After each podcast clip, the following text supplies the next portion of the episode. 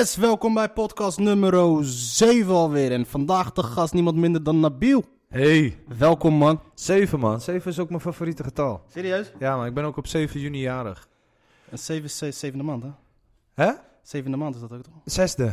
Zes- M- maar wel 7 juni. Ik vind het, ik weet niet man, ik heb gewoon iets met 7. 7 is gewoon een mooi getal. Het is, heeft toch ook symbolisch. symbolisch ik heb, Volgens mij wel, ja. Je hebt altijd van die. 6 staat geloof ik 6-6 voor de duivel. En dan 7 was geloof ik... eh, 7 is eh, het eerste getal wat niet door zichzelf deelbaar is, sowieso volgens mij. ja, En dat. Nog iets, eh, wat was de naam? Je hebt De, we- in de wereld is in 7 dagen gemaakt. zoiets. Je hebt in ieder geval altijd van die, van die, van die eh, geheimzinnige genootschappen, dat die altijd iets met 7 Ja, numerologie, inderdaad. Best wel lijp. Mensen die heel veel rekenen. Ik zat laatst de, de, de, hoe heet die zo? Angels and Demons te kijken. Ja. Toen was het over nummer 7, toen op het moment van de Illuminati, dat er iets was met nummer 7. Oh ja, ja. Dat was ik even vergeten. Maar leuk dat je er bent, man. Dat Ja, je leuk tijd dat hebt gevonden in je drukke tijd, man. Ja, ja, het is leuk man. Ik vind het leuk. Nice, nice, nice. Hoe gaat het met je nieuwe show? Eh, spannend, vooral eh, spannend man. Het is gewoon, eh, ja, weet je, anderhalf uur nieuw. En je moet jezelf opnieuw gaan uitvinden. En dat is altijd wel, dat is heel spannend man. Want je insteek wordt anders, hè? De eerste was tijdmachine. Ja, eerst was tijdmachine, was eigenlijk een beetje, ik wil niet zeggen oppervlakkig, oppervlakkig beeld van mezelf. Maar wel, ehm, ja, het had, het had eigenlijk te maken met eh, dat we af en toe eh, door de dagelijkse sleur vergeten wie we zijn. En dat mijn moeder me altijd heeft opgevoed met, eh, kijk gewoon naar voren, weet je wel. Wat er in het verleden is gebeurd, moet je achter je laten. En dat ik altijd met die insteek het leven ben ingegaan en de toekomst in ben gaan. Totdat ik op een gegeven moment bij mijn moeder thuis kwam en een kist zag liggen met allemaal oude spullen van vroeger. En toen ik die kist openmaakte, toen ja, was ik meteen weer 12 jaar en zag ik dingen die ik eigenlijk helemaal vergeten was. En ik ga dus met die mensen eigenlijk mee terug naar mijn jeugd. Met die tijdmachine eigenlijk. Dat is eigenlijk een metafoor daarvoor. Maar Game Boy. ja, en, en, en, en, inderdaad, een Nintendo Game Boy speelgoed. En ja, weet je, de, ergens op de helft van mijn voorstelling kom ik op een gegeven moment weer achter van... hey, shit, ik weet niet, maar hoe meer ik naar die kist kijk, hoe ongelukkiger ik word of zo. En misschien is dat wel de reden dat mijn moeder tegen mij heeft gezegd van kijk gewoon vooruit. Want ik ga dingen vergelijken. En ik ben er dus achter gekomen dat ik eigenlijk eh, niet geworden ben van wat ik wilde worden. En ehm, ja, eh, als ik misschien al die tijd wel gewoon had teruggekeken op wie ik was, dan was alles misschien veel sneller en beter gegaan. Ja, dan, is ook dan dan ben je ook geen puber geweest. Geen enkele puber dik terug dan, weet je. Nee, tuurlijk, nee, maar toch. Mensen vergeten af en toe ook wie ze, wie ze zijn.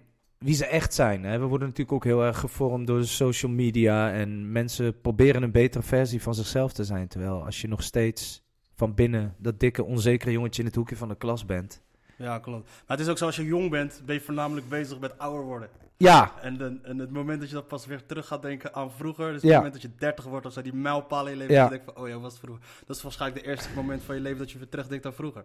Ja, precies.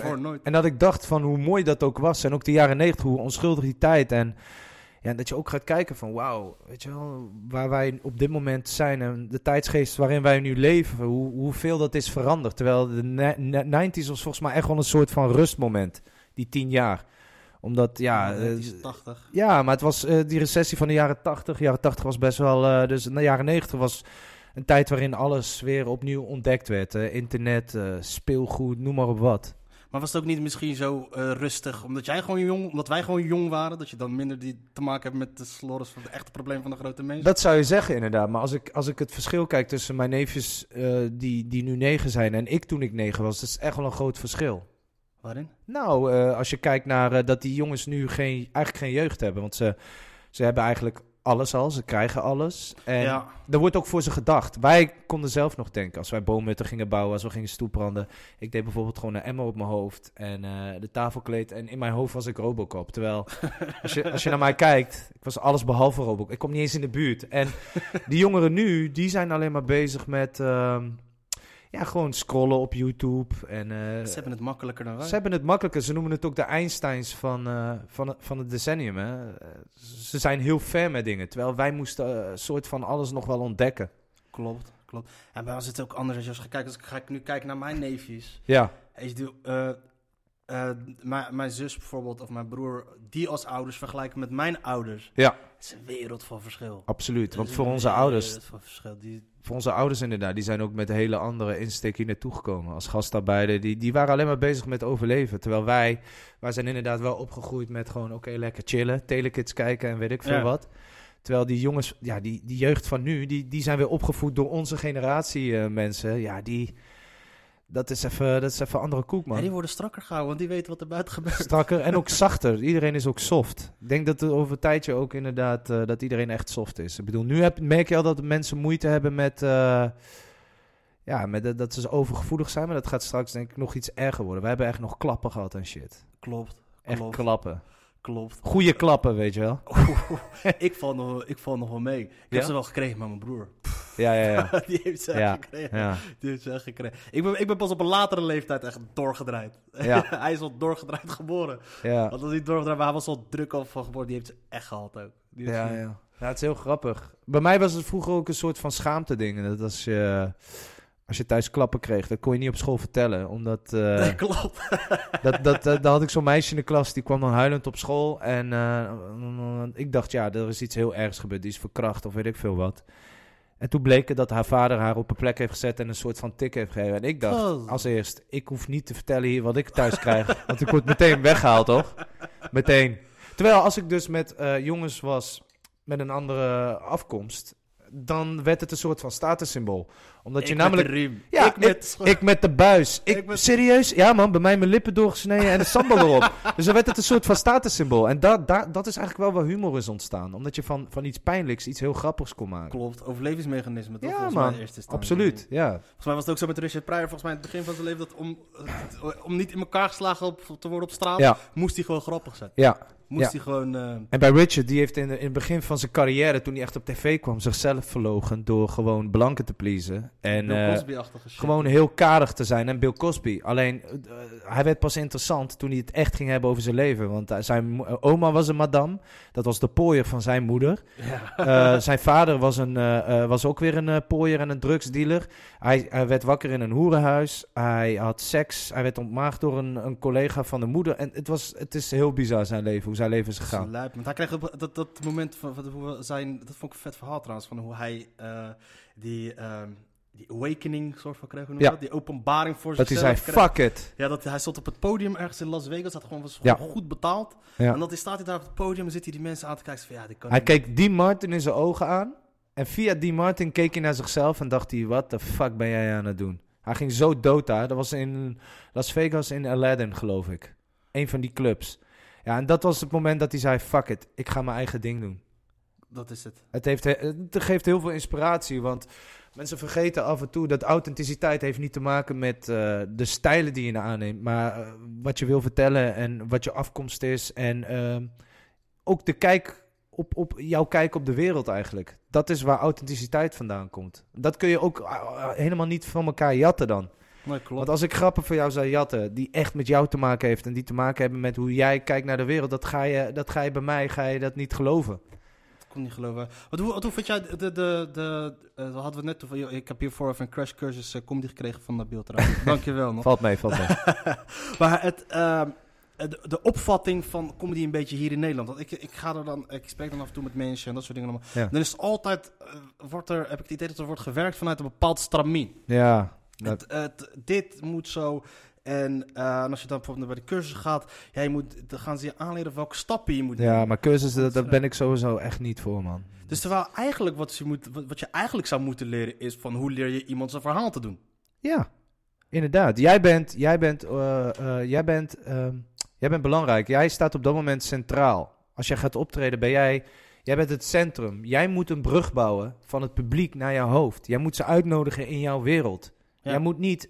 Kijk, het is een beetje als je een musicalster hoort zingen. Eh, ze, ze, ze, ze, ze haalt de tonen, maar je voelt het niet. Er zit geen ziel in, geen soul. Waarom? Het komt niet vanuit een bepaalde beleving. Want alles wat zij zingen is zo.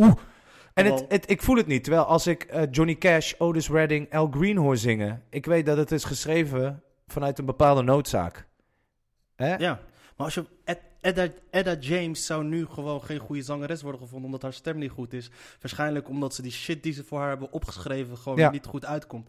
Ja, nee, maar inderdaad. Maar eh, eh, het is echt, als je soms naar een acteur kijkt en je ziet hem zijn regels, zijn zinnetjes in zijn hoofd hebben, maar je voelt het niet. Het komt omdat zijn inlevingsvermogen gewoon nul is. Hij weet niet wat hij aan het spelen is. Het enige wat hij heeft onthouden, terwijl hij een dialoog heeft met iemand. Oké, wat was die volgende zin? Ja, inderdaad. En dan, weet je wel? En dat, dat, is, dat ga je niet leren bij een cursus. Bij een cursus leren ze jou systemen. En wat je dan krijgt, is dat, je, dat het net als... Ja, het wordt bijna IKEA-comedy. Weet je wel? Het wordt bijna van, eh, dat lijkt op dat en dat Dit lijkt moet- op dat. dit zijn de schroefjes, zet het maar in elkaar. Terwijl authenticiteit komt heel erg. Ik, ik, ik, ik ken je niet eens. En ehm, als ik al naar je kijk, weet ik, je hebt, je hebt echt een bagage aan shit die je kan vertellen. op mijn gezicht. Nee, maar bij wijze van spreken. Ik zie ook dat je geen vingers hebt, omdat je waarschijnlijk gokschulden hebt. Maar Ja, twee. ja. je had gokschulden. Nee, maar ik, ik, wat ik bedoel te zeggen is, jouw bagage is veel belangrijker dan dat je een systeem hebt bedacht hoe je een grap kan eh, vertellen. Eh, als je een grap gaat maken over Marokkanen, ja, dan kun je, kun je ervoor kiezen om te zeggen, oké, we stelen, we doen dit en dat. Maar kijk nou eens echt wat er aan de hand is eh, binnen de Marokkaanse gemeenschap, maar ook bij Nederland. En probeer misschien ook verder terug te gaan naar de geschiedenis. Er zijn heel veel dingen die mensen nog niet eens weten. Hè? Over Marokko, maar ook over Nederland. En mensen weten bijvoorbeeld niet dat Marokko ooit eh, eh, Nederlandse slaven had. Klopt, ja. Krijgsgevangenen. En die hebben ze gevangen genomen. En niet eens als krijgsgevangenen behandeld, maar echt als slaven. Gewoon klappen gegeven. Klopt. Terwijl de donkere mensen, die werden gewoon in huis gehaald. Ja, dat werd niet echt gezien als slaaf. Maar zij gaven een onderdak. Ze kregen absoluut Ze geen werden ook klappen. gecastreerd, hè? Die Ja? blanke slaaf, ja. Ja, ja, absoluut. Ja. En uiteindelijk Michiel de Ruiter, die ging dus naar Marokko om ze weer terug te kopen. Het is echt waar. Het is gewoon... Ja, want wist jij trouwens, dat de, de, de allereerste ambassade hier ooit in Nederland was van, was van Marokko? Oh, is het zo? Ja, je had volgens mij een paar jaar geleden... Wacht, ik zoek even een... Oh, wat trouwens, waar had ik die gedaan? Ja, maar Marokko die gaat binnenkort ook nummer 1 worden als het gaat om groene energie, hè? Ja, klopt, ja, ze zijn bezig met dat zijn hele- echt- ja. die, eh, Wordt gewoon nummer 1, hè? Ja, dat geloof ik graag. Het moet er wel. Genoeg zon. Maar weet je wat, wat ik dus had gelezen was dus... eh, het was dus eh, je had een paar jaar geleden had je toch Marokko, Marokko-Nederland x aantal honderd jaar betrekkingen. Ja, ja. Dat was dus gebaseerd op het feit dat Marokko dus 400, 500 jaar geleden hadden ze hier een ambassadeur naartoe gestuurd. was een Jood, eh, Samuel, Ja. Samuel Palach. Ja, Samuel Polak, ja. Pa- Palach, Palach was... En die was hier naartoe gekomen om een ambassade te openen. Yep. En eh, waar, waar ging die handel eigenlijk over? Slavernij. Ja, Slavernij. ja. En zo oud zijn die betrekkingen al. Dus tussen die Klopt, ja. Maar Marokko heeft heel veel geschiedenis op de wereld ook. Eh, Marokko is ook de eerste land op de wereld die Amerika heeft erkend als staat in 1777. Klopt. Je hebt in Amsterdam heb je geloof ik, eh, je hebt daar een Joodse synagoge. Dat is Joods-Portugees, is ook door een Marokkaan eh, eh, gesticht. Volgens mij was Spinoza, was ergens ook Servadisch Joods, dus Marokkaans Joods. Eh, hoe heet die ene... Je hebt toch die ene scholen hier zo, die altijd... Die hele bekende scholen. Ja, Spinoza. Spinoza of Augustinus of zoiets? Augustinus heb je. Montessori's, ik weet het niet. Eh, ja, dit was in ieder geval een ook... eh, dat was ook zo'n uh, Jood in ieder geval. Maar ben je ook heel erg van eh, dingen connecten met elkaar of zo? Ja, weet je wat ik dus vet vond aan dat, aan dat, eh, aan, je- aan, aan dat gesprek met jou met Anwar... toen jij op een gegeven moment over bepaalde dingen kwam... over Marokkaan en Amerika, over, over bepaalde dingen. Dat zijn bepaalde dingen waar ik ook met, met mijn vrienden over heb. Ja. Als ik, als ik met discussies heb met, me- over met mensen, weet je, over, gaat over antisemitisme en dat Ja. soort shit. Weet je, dan haal je bepaalde voorbeelden aan en dat soort Ja. dingen allemaal. Dan geef je af en toe een steek naar rechts door te zeggen van dat wij niet degene zijn die Anne Frank hebben verraden. Maar dan probeer je dan wel altijd nog wel even een beetje te zeggen. Nee, maar dat het is, het is belangrijk dat... Ik, ik weet niet... geschiedenis te vertellen. Ja, ik weet niet of het... Kijk, een hoe kun je een dialoog aangaan met iemand als je mekaars geschiedenis niet eens kent? En daar gaat het vaak mis. Dus ik- kijk, ik vind het... Je mag Mar- eh, de Marokkaanse Nederlanders... Mag je een bepaalde groep... Mag je antisemiet noemen. Ja. Maar ik vind het heel oneerlijk om, te, om het op Marokko te gooien. Terwijl als er één land op de wereld is... Die goed is geweest voor de Joden... Is het Marokko. Joden wonen daar 2000 jaar. Gewoon in harmonie met de moslims. Tot de dag van vandaag zijn er nog steeds Joden... Die eh, Marokko missen omdat eh, Marokko heeft altijd goed geleefd. Eh, eh, met de Tweede Wereldoorlog heeft Marokko zo ook niet uitgeleverd aan het Franse regime. Omdat zij werden toen gekoloniseerd door Frankrijk. Ja. Hebben zij gezegd, fuck it, we gaan ze niet aan jullie uitleveren. Want dat zijn onze kinderen, ze horen hier. Ze hadden wel die Fransen uitgestuurd. Ja, precies. Ze hebben die Fransen hebben ze eruit gekikt. En ehm, alleen, dat ging hartstikke goed. Alleen toen in eh, 1948 Israël werd gesticht... Toen zijn er natuurlijk heel veel eh, eh, ja, mensen vanuit Israël die werden Mossad gestuurd. zijn Mossad, Mossad die zijn gestuurd naar landen om, om, om, om Joden te werven in, in Israël. Want ze wilden natuurlijk heel veel Joden daar krijgen voor het beloofde land. Alleen wat hebben zij gedaan? Zij zijn naar Marokko gegaan met zo'n verhaal van ja, kijk, eh, Marokko die gaat binnenkort waarschijnlijk eh, onafhankelijk worden. En ja, omdat wij nu Israël hebben gesticht, dat gaan zij niet leuk vinden, gaan ze jullie allemaal uitmoorden. Dus de helft werd bang. En je Ja. denkt, serieus, die is naar Israël gegaan. Maar toen ze daar aankwamen, werden ze derde rangs burgers. Plus, zij voelden zich helemaal niet thuis. Ze zeggen, wat de fuck doen wij hier? Dit is helemaal geen leuk land. Dus daarvan de helft is weer terug naar Marokko gaan. Waardoor later zijn er weer gedeeltes ook weer teruggegaan. Maar ja, die hadden echt zoiets van, dit klopt niet hier. Dit, ja, is, klopt. dit is niet oké. Want dat was, dat, dat, ik had ooit een keertje gelezen dat iemand van de PVV had gezegd, weet je, met, zij had hij het gezegd over de, met de komst van de Marokkanen hebben we antisemitisme en, homo, en homohaat geïmporteerd. En toen was ik had gezegd, luister eens, eh, jullie hadden geen Marokkanen nodig voor, eh, voor die brandstapels toen jullie dachten dat die Joden pest veroorzaakten. Niet alleen dat. En, jullie, en, en, en ook eh, de, en Anne Frank is niet verraden door mijn oom Ali. Nee, Dat soort dingen. En ten tweede... juist beschermd. Nou, maar eh die blauwe stad, de reden dat die blauw is gemaakt, dat is een theorie, is omdat de Joden daaronder gedoken werden. En ehm, eh, eh, ik weet niet precies wat die theorie daarachter was, maar het was dus. Ehm, volgens mij wisten zij al dat de kleur blauw, dat straalt heel erg. eh, Harmonie uit. ja, ik weet niet meer wat het was, maar ze hebben die stad hebben ze toen helemaal blauw Mooie gemaakt. stad trouwens, Ja, hele mooie Mooie stad. Maar het is, het- dat vind ik juist zo oneerlijk. Van mensen kennen de geschiedenis niet eens van Nederland. Er zijn hier zoveel gasten die helemaal niks weten. En ze noemen het dan bla- zwarte bladzijden. Maar ergens denk ik, ja, waar komt dat vandaan? Heeft het juist te maken met dat je juist mensen zo klein kan houden? Als je, als je de waarheid gaat Ja. vertellen? Want ook eh, bijvoorbeeld een interessant feitje. Bijvoorbeeld Marokko is het enige land ter wereld naast Israël die de Joodse cultuur van het land heeft erkend in de grondwet. Yep. En ten tweede, in artikel 1, weet je wat Geert Wilders hier wil doen? Dat hij de, euro, eh, dat, eh, de judeo- judeo-christelijke waarden wil vastleggen. Ja, Dat- bullshit. Ja. Dat, dat hebben ze in Marokko is dat al met Afrikaanse cultuur, Ja, Joodse ja. cultuur, dat soort dingen. En Marokko is het enige land ter wereld, weet je wat ze hier zeiken over de sharia-rechtbanken? ja. In Marokko hebben ze Joodse rechtbanken waar gewoon, eh, waar gewoon recht wordt gesproken. Dat, dat is het enige land ter wereld buiten Israël Ja. om waar dat gebeurt. Ja, man. Nee, daarom, het, het klopt voor geen meter. Terwijl... De mensen weten die kennis niet. En onze eigen Marokkaantjes, die, weten, die, die kennen dat ook niet. Nee, absoluut niet. Die weten het ook niet. En daarom is het, daarom, daarom is het eigenlijk aan eh, mensen die in de kunstsector zitten, of, eh, of het nou cabaret is of wat dan ook, om, om die jongeren juist eh, op te leiden. Ja, klopt. In plaats van om ze juist dommer te houden en om, om in raps, weet ik veel, te prediken dat je maar veel auto's moet hebben en wijven. Terwijl ik geloof dat je op een hele grappige, goede manier echt wel die jongeren wat kan meegeven. Klopt. Ik luisterde vroeger heel veel naar Tupac. Ik keek naar goede comedy ook. Want ik hou niet... Ja, ik vind comedy... Weet je wel, donkere comedy of noem maar op wat voor comedy. Er moet toch wel altijd iets in zitten waarvan ik denk... Hé, hey, zo, heb ik het, zo heb ik het nooit gezien. Of ik heb wel wat geleerd of zo. Hans Steeuwen was, jou- was jou Ja, het eerste wat jij keek, toch? Ja, Hans Steeuwen is echt genius. Omdat Hans Steeuwen, die weet namelijk op een hele slimme, goede manier... eigenlijk eh, de zieke samenleving te weerspiegelen. Dat vind ik zo mooi aan hem. Dat is de kunst, man. Ja, het is een kunst, zonder het te benoemen. Hij laat ons denken. En of hij het van tevoren heeft bepaald of niet, dat is aan ons. Het is een beetje alsof hij legt gewoon een schilderij neer en iedereen ziet er wat anders in. Klopt. Dat is kunst. Hans Steeuwen is de eerste en de, eh, hij, is, hij, hij is de enige die het ooit is gelukt om mij te laten schamen voor mijn afkomst. Met welke? Met wat dan? Eh, die meiden van Halal. Oh ja, ja, die maar dat, discussie met hem die ze hadden met maar dat hem. was voor hem een piece of cake. Dat is alsof je Roel van Velzen laat vechten tegen Badr Hari, man. Oh man, ik, ik zat, waar, waar- waar waren ze mee bezig? Waar, wat ging er in hun hoofd om, om te denken dat ze dat zouden gaan... Ja, maar dat is ook televisie. Ik geloof heus wel Ja. dat er eh, in het bestand hele slimme, goede gasten waren die dat konden doen. Alleen voor tv is het natuurlijk leuk om een slimme Hans Steeuwen op zo'n bed neer te leggen. En dan... Het zijn slimme meiden, alleen ja, het zijn natuurlijk hele... Best wel emotionele meiden die helemaal niet waren voorbereid. Want dat vind ik ook een beetje kut. Ja, dat ze niet konden voorbereiden. Terwijl Hans was wel goed voorbereid. Ik geloof zelfs drie of zes maanden lang. Serieus? Ja, zoiets heb ik gehoord of gelezen. Dus dat, dat is ook wel, dat is ook een beetje, het is natuurlijk mooie televisie, maar laten we ook wel gewoon kijken naar de feiten. En eh, Ja, ik, ik overdrijf het wel een beetje, maar ik denk van, dames, wat doe je Tuurlijk. nou? Niet doen. ik schaamde me niet. doen, ik dacht doen. alleen, ja, het is wel weer typisch. Ik bedoel, dat, dat, dat hebben ze in het verleden ook bij Pauw en Witteman heel veel gedaan. Dat ze dan, ja, toch eh, eh, eh, eh, zo'n domme, tandloze imam laten zitten tegenover iemand die gewoon... eh, Maar was het niet hun programma dan? Ik dacht dat zij hem hadden uitgenodigd. Mm, volgens mij, nee, het was een, het, het, het was een, het was een, ik geloof een eenmalig ding. En het ging dan over, eh, weet ik veel, polarisatie of zo dan ook.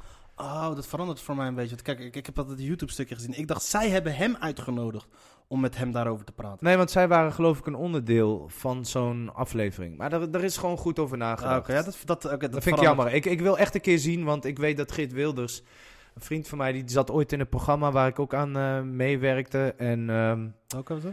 Eh, dat was eh, de nieuwste show. Ik zou hem in de eerste instantie hadden we echt allemaal pilot gemaakt en zou ik hem presenteren. Uiteindelijk werd het Patrick Lodiers en dat werd echt een heel ding. Maar Was dat niet dat... dat op BNN. Ja, ja, ik weet nog, dat- was dat niet de hijsa van dat Micha, grappen werden gebruikt van Micha Wertheim? Oh nee, dat weet ik niet. Zoiets had ik, Ik weet het niet zeker, maar er zaten wel heel veel schrijvers op. Maar ehm, daar werd dus ook van tevoren heel goed gescreend en over nagedacht. Want Philip de Winter, eh, die uit België, Ja. die wilde, die wilde daar wel een keer komen aanschuiven. Maar hij ging dan heel selectief uitkiezen wie er in, wel en niet in die aflevering mocht zitten. En Dara Feize, die helaas is overleden, een goede vriend van mij, was een fucking, is echt een, was de meest funny dude die ik kende. En echt fucking intelligent ook. Afghaanse jongen, vluchteling. Ja, jouw eerste, ik heb dat, eh, jouw eerste dingetjes die ik dan, ik kijk dan wel eens op Zwarte Kat, heb ik dan wat een paar dingen. Jouw eerste paar dingen, die waar, kwam, hij heel, kwam hij heel vaak erin Ja, voor. want wij zijn ook samen naar Afghanistan gegaan en zo. eh. Oké, oké. Ja, maar hij... Ja, daar werd dus toen gezegd van ja, als, als, als Philip de Winter daar komt, moet hij weg. Dus dan wordt dan heel erg over nagedacht. Tuurlijk, je wil niet, als Geert Wilders ergens komt zitten, wil hij niet dat er iemand daar zit die veel beter en veel slimmer is dan hij. Het moet, weet je wel, die moet vaak gewoon veel dommer zijn. Dat zijn van die eisen, zodat hij er overheen kan gaan. Ja, Eigenlijk wil hij de headliner zijn. tuurlijk. Ja. Hij wil de headliner zijn. alleen dat is voor tv is dat natuurlijk mooi. Alleen ja, mensen zullen wel vaak denken van ja, het zijn gewoon domme mensen, zie je. maar, maar dat En- ze dan dat soort mensen de luxe geven, omdat ze die keuze... Anders krijg je hem niet. Dat hij de keuze krijgt daartoe ook nog. Hij heeft in het verleden natuurlijk wel een paar keer die fout gemaakt. Waardoor hij er slecht uitkomt. Dus ja, hij heeft dan een vereist van... Oh, jullie willen mij helpen? Ik, heb, ik doe nooit interviews, maar dan moet het zo en zo gaan. En dan gaat, gaan zij daarin mee. Dan gaan ze erin mee, omdat ze natuurlijk... Zij willen alleen maar kijkcijfers. En dat gaat dan ten koste van... Van zo'n gast die tegenover hem zit. Maar ook misschien wel van een hele volk of zo. Ja, in principe. Maar aan de andere kant, het, is gewoon een, eh, een reclamespotje voor hem wordt het dan. Tuurlijk. En dat, dat, dat faciliteren zij. En dat is, dat, is, dat is de leugen. En stiekem vinden ze het nog niet zo erg. Ja, nee, maar dat is de leugen van televisie en van eh, beeldvorming en de media. Die, ja, wat, Het wordt allemaal gevormd. De- want ik zat, ik zat laatst erover na te denken. Ik weet niet, had ik een gesprek met iemand erover. Eh, dat die hele bullshit met rapper Boef. Ja. Ik kijk, ik kijk weinig televisie en, ehm, en op een gegeven moment, ik zit dus daar eh, de Boef te kijken, hele hij staat eromheen. En ik ook zo van, ja, Boef had je niet moeten doen. Mensen waren een boycotten, bla. Zelfs in de politiek hadden ze het erover op een gegeven moment. Mhm. Media wilde hem boycotten. En een paar weken later, als ik op televisie kijk, weet je wie ik zag met zijn eigen televisieprogramma? Wie? Dave Roelvink. Ja. Motherfucker, die is veroordeeld voor... eh voor, voor Werd gepijpt in een eh, dingen met zijn chick, beroofd alles. beroofd alles, heeft, heeft videomateriaal lopen rond verspreiden daarover. Yep. Niemand. ja. Waarom heb ik daar die heisa niet over gehoord? ja, maar daar kun je die mensen ook niet op afstraffen. Eén, eh, Boef is natuurlijk een goede zondebok. Ik, Ja. toen, ik, toen ik een week voordat hij die shit had gedaan met die drie meiden... Toen las ik in de krant, geloof ik, dat hij eh, ging aankondigen dat hij eh, officieel miljonair is. Ik dacht, dit moet je niet doen. Nee. Niemand doet dit. Dit is gewoon, it's just a matter of time. Ik was echt aan het aftellen en een week later, bam. En ehm, ja, het heeft echt met beeldvorming te maken. Bij, bij Dave Roelvink zul je toch altijd denken, dat is natuurlijk ook wat films eh, ons geven en series. Blank is ook het ideale schoonheidsbeeld. Ik wil absoluut niet in een soort van slachtofferrol komen. Dat, dat ben ik absoluut, daar ben ik geen voorstander van. Maar we moeten wel kijken naar, naar wat de realiteit is. Ja, Bij Boef wordt het natuurlijk wordt het, wordt het bijna neergezet als van ja, eh, dit, eh, dit, dit, dit, dit klopt. Dit hoort gewoon bij hem. Zo zijn die jongens. Terwijl bij Dave wordt het toch gezien als ja, hij is even zichzelf niet. ja ik heb, waarschijnlijk, dat is dus, waarschijnlijk is dat een, eh, een, iets waar wij in comedy ook mee te maken hebben. Is uiteindelijk van... eh, Het is rolbevestigend. Als wij het doen is het... eh, Ja, ja, maar- tenminste bij mij weet ik niet. Ik, mensen kijken toch... De, hij, heeft, hij heeft sowieso... Hij is, als je naar hem kijkt, hij is wel de prototype opsporing verzocht iedere dinsdag. Dat wel. En aan de andere kant, de meeste de- eh, Nederland, die, als ze Dries Roelvink zien, dan zien ze dan bijvoorbeeld gewoon iemand die ze Ja. kennen. Weet je, dus Ja. ik, zij kunnen zich verplaatsen. Dus daar, juist. Kunnen ze dat, het hoeft nog niet eens zo erg racisme te Nee, zijn. het, het, maar, maar, maar racisme is, is eh, of het nou wel of niet racisme is. Racisme is iedereen discrimineert. Eh, wij ook. Eh, ik ben zelf Berber en ik ben in mijn leven het hardst gediscrimineerd door Arabieren toen ik klein was. Omdat ik word gezien als een riffie, weet je wel, vieze riffie. maar dat was toen, dat was toen, dat was een andere tijd. Dus discriminatie, bij ons is zelfs zo erg. Wij trekken het zo ver door dat je niet kan trouwen met iemand uit een andere straat. Dat wordt dan gezien als, eh, ja nee, hij, hij komt van Ebbekooi, dat kan niet. Wellicht Apple Ja, dat is allemaal... nog- hebben gooien, Tim Salmon, je hebt allemaal dat soort Oh, dingen. Tim Salmon kende ik ja, wel. maar snap je? Dus dat, dat, eh, wij trekken dat gewoon veel verder door. Alleen, ehm, inderdaad, het heeft gewoon te maken met, eh, met, met zielsherkenning of zo. Snap je net wat jij, wat je hiervoor, wat jij over mij zei, tegen mij zei over eh opsporing verzocht? Ja. Jou, wat jou, wat jou, wie jij dan als het slachtoffer ziet in plaats Ja, nee, ik kijk inderdaad. Ik moet ook gewoon eerlijk zijn tegen mezelf. Als ik dus opsporing verzocht kijk, dan kijk ik eigenlijk op een heel andere manier. Zoals de doorsnee Nederlander kijkt. Ik zie namelijk de dader echt als slachtoffer. Omdat ik dus denk... Oh, wat kut. Hij is met zijn volle pan op camera. Hij wordt straks van zijn bed gelicht. Shoma. Zomaar, ook kut voor zijn moeder. Terwijl ik kijk, niet, ik kijk niet naar die slachtoffer die gewoon daar met... eh, die gewoon stukjes kraak, alles ja, maar stukjes kraakbeen in een urine vindt, weet ik veel wat allemaal. Maar dan, ja, dat, dat, is, dat is, je moet gewoon ook wel eerlijk zijn tegen jezelf. Ja, dat wel. Het, het, is, het, is, het is wel makkelijk om, om, om snel dingen op afracisme te zeggen. Ja, Maar heel vaak gaat het wel, is het wel zo van ehm, het, eh, het beeld wat je dan hebt. Bijvoorbeeld waarom Dries Roelvink dan bijvoorbeeld wegkomt met bepaalde Leeuw Kleine. Leeuw Klein. Waarom ze dan wegkomen is omdat de, de gro- overgrote gedeelte van Nederland is gewoon blank. En de overgrote gedeelte van Nederland die herkent zich eerder daarin zo'n jong persoon. En die Ja. zou sneller geneigd om hem te vergeven dan Ja, eh, een boef. Terwijl aan de andere kant, als je gaat kijken, Marokka het Marokkaanse gemeenschap, die vond boef, nou oké, die, die, die, hij heeft een strijkt- fout gemaakt. die strijkt wel over zijn hart dan. Ja. Weet je, wat wij, dus, wat we, maar uiteindelijk is het wel zo, er wordt dan wel met twee maten gemeten. En het probleem voor ons is dan dat eh, in de media Ja. zijn wij niet degene die aan de touwtjes trekken. Nee, maar je moet ook wel begrijpen, Dries is ook wel heel veel geboycott. Er zijn heel wat optredens die niet zijn doorgegaan. Dat, dat, dat horen wij dan weer niet of zo. Dat zie je dan ook weer niet in de media. Maar dat zijn wel dingen. Ja, die gebeuren ook. Alleen eh, inderdaad, ja, als je zo. Als je, als je het beeld zo ziet in media, dan zul je haast denken dat er inderdaad echt, echt met twee maten wordt gemeten. Terwijl ja, ik vind het heel goed wat je zegt. Het heeft te maken met waar je je mee kunt identificeren. Dat hebben wij toch ook.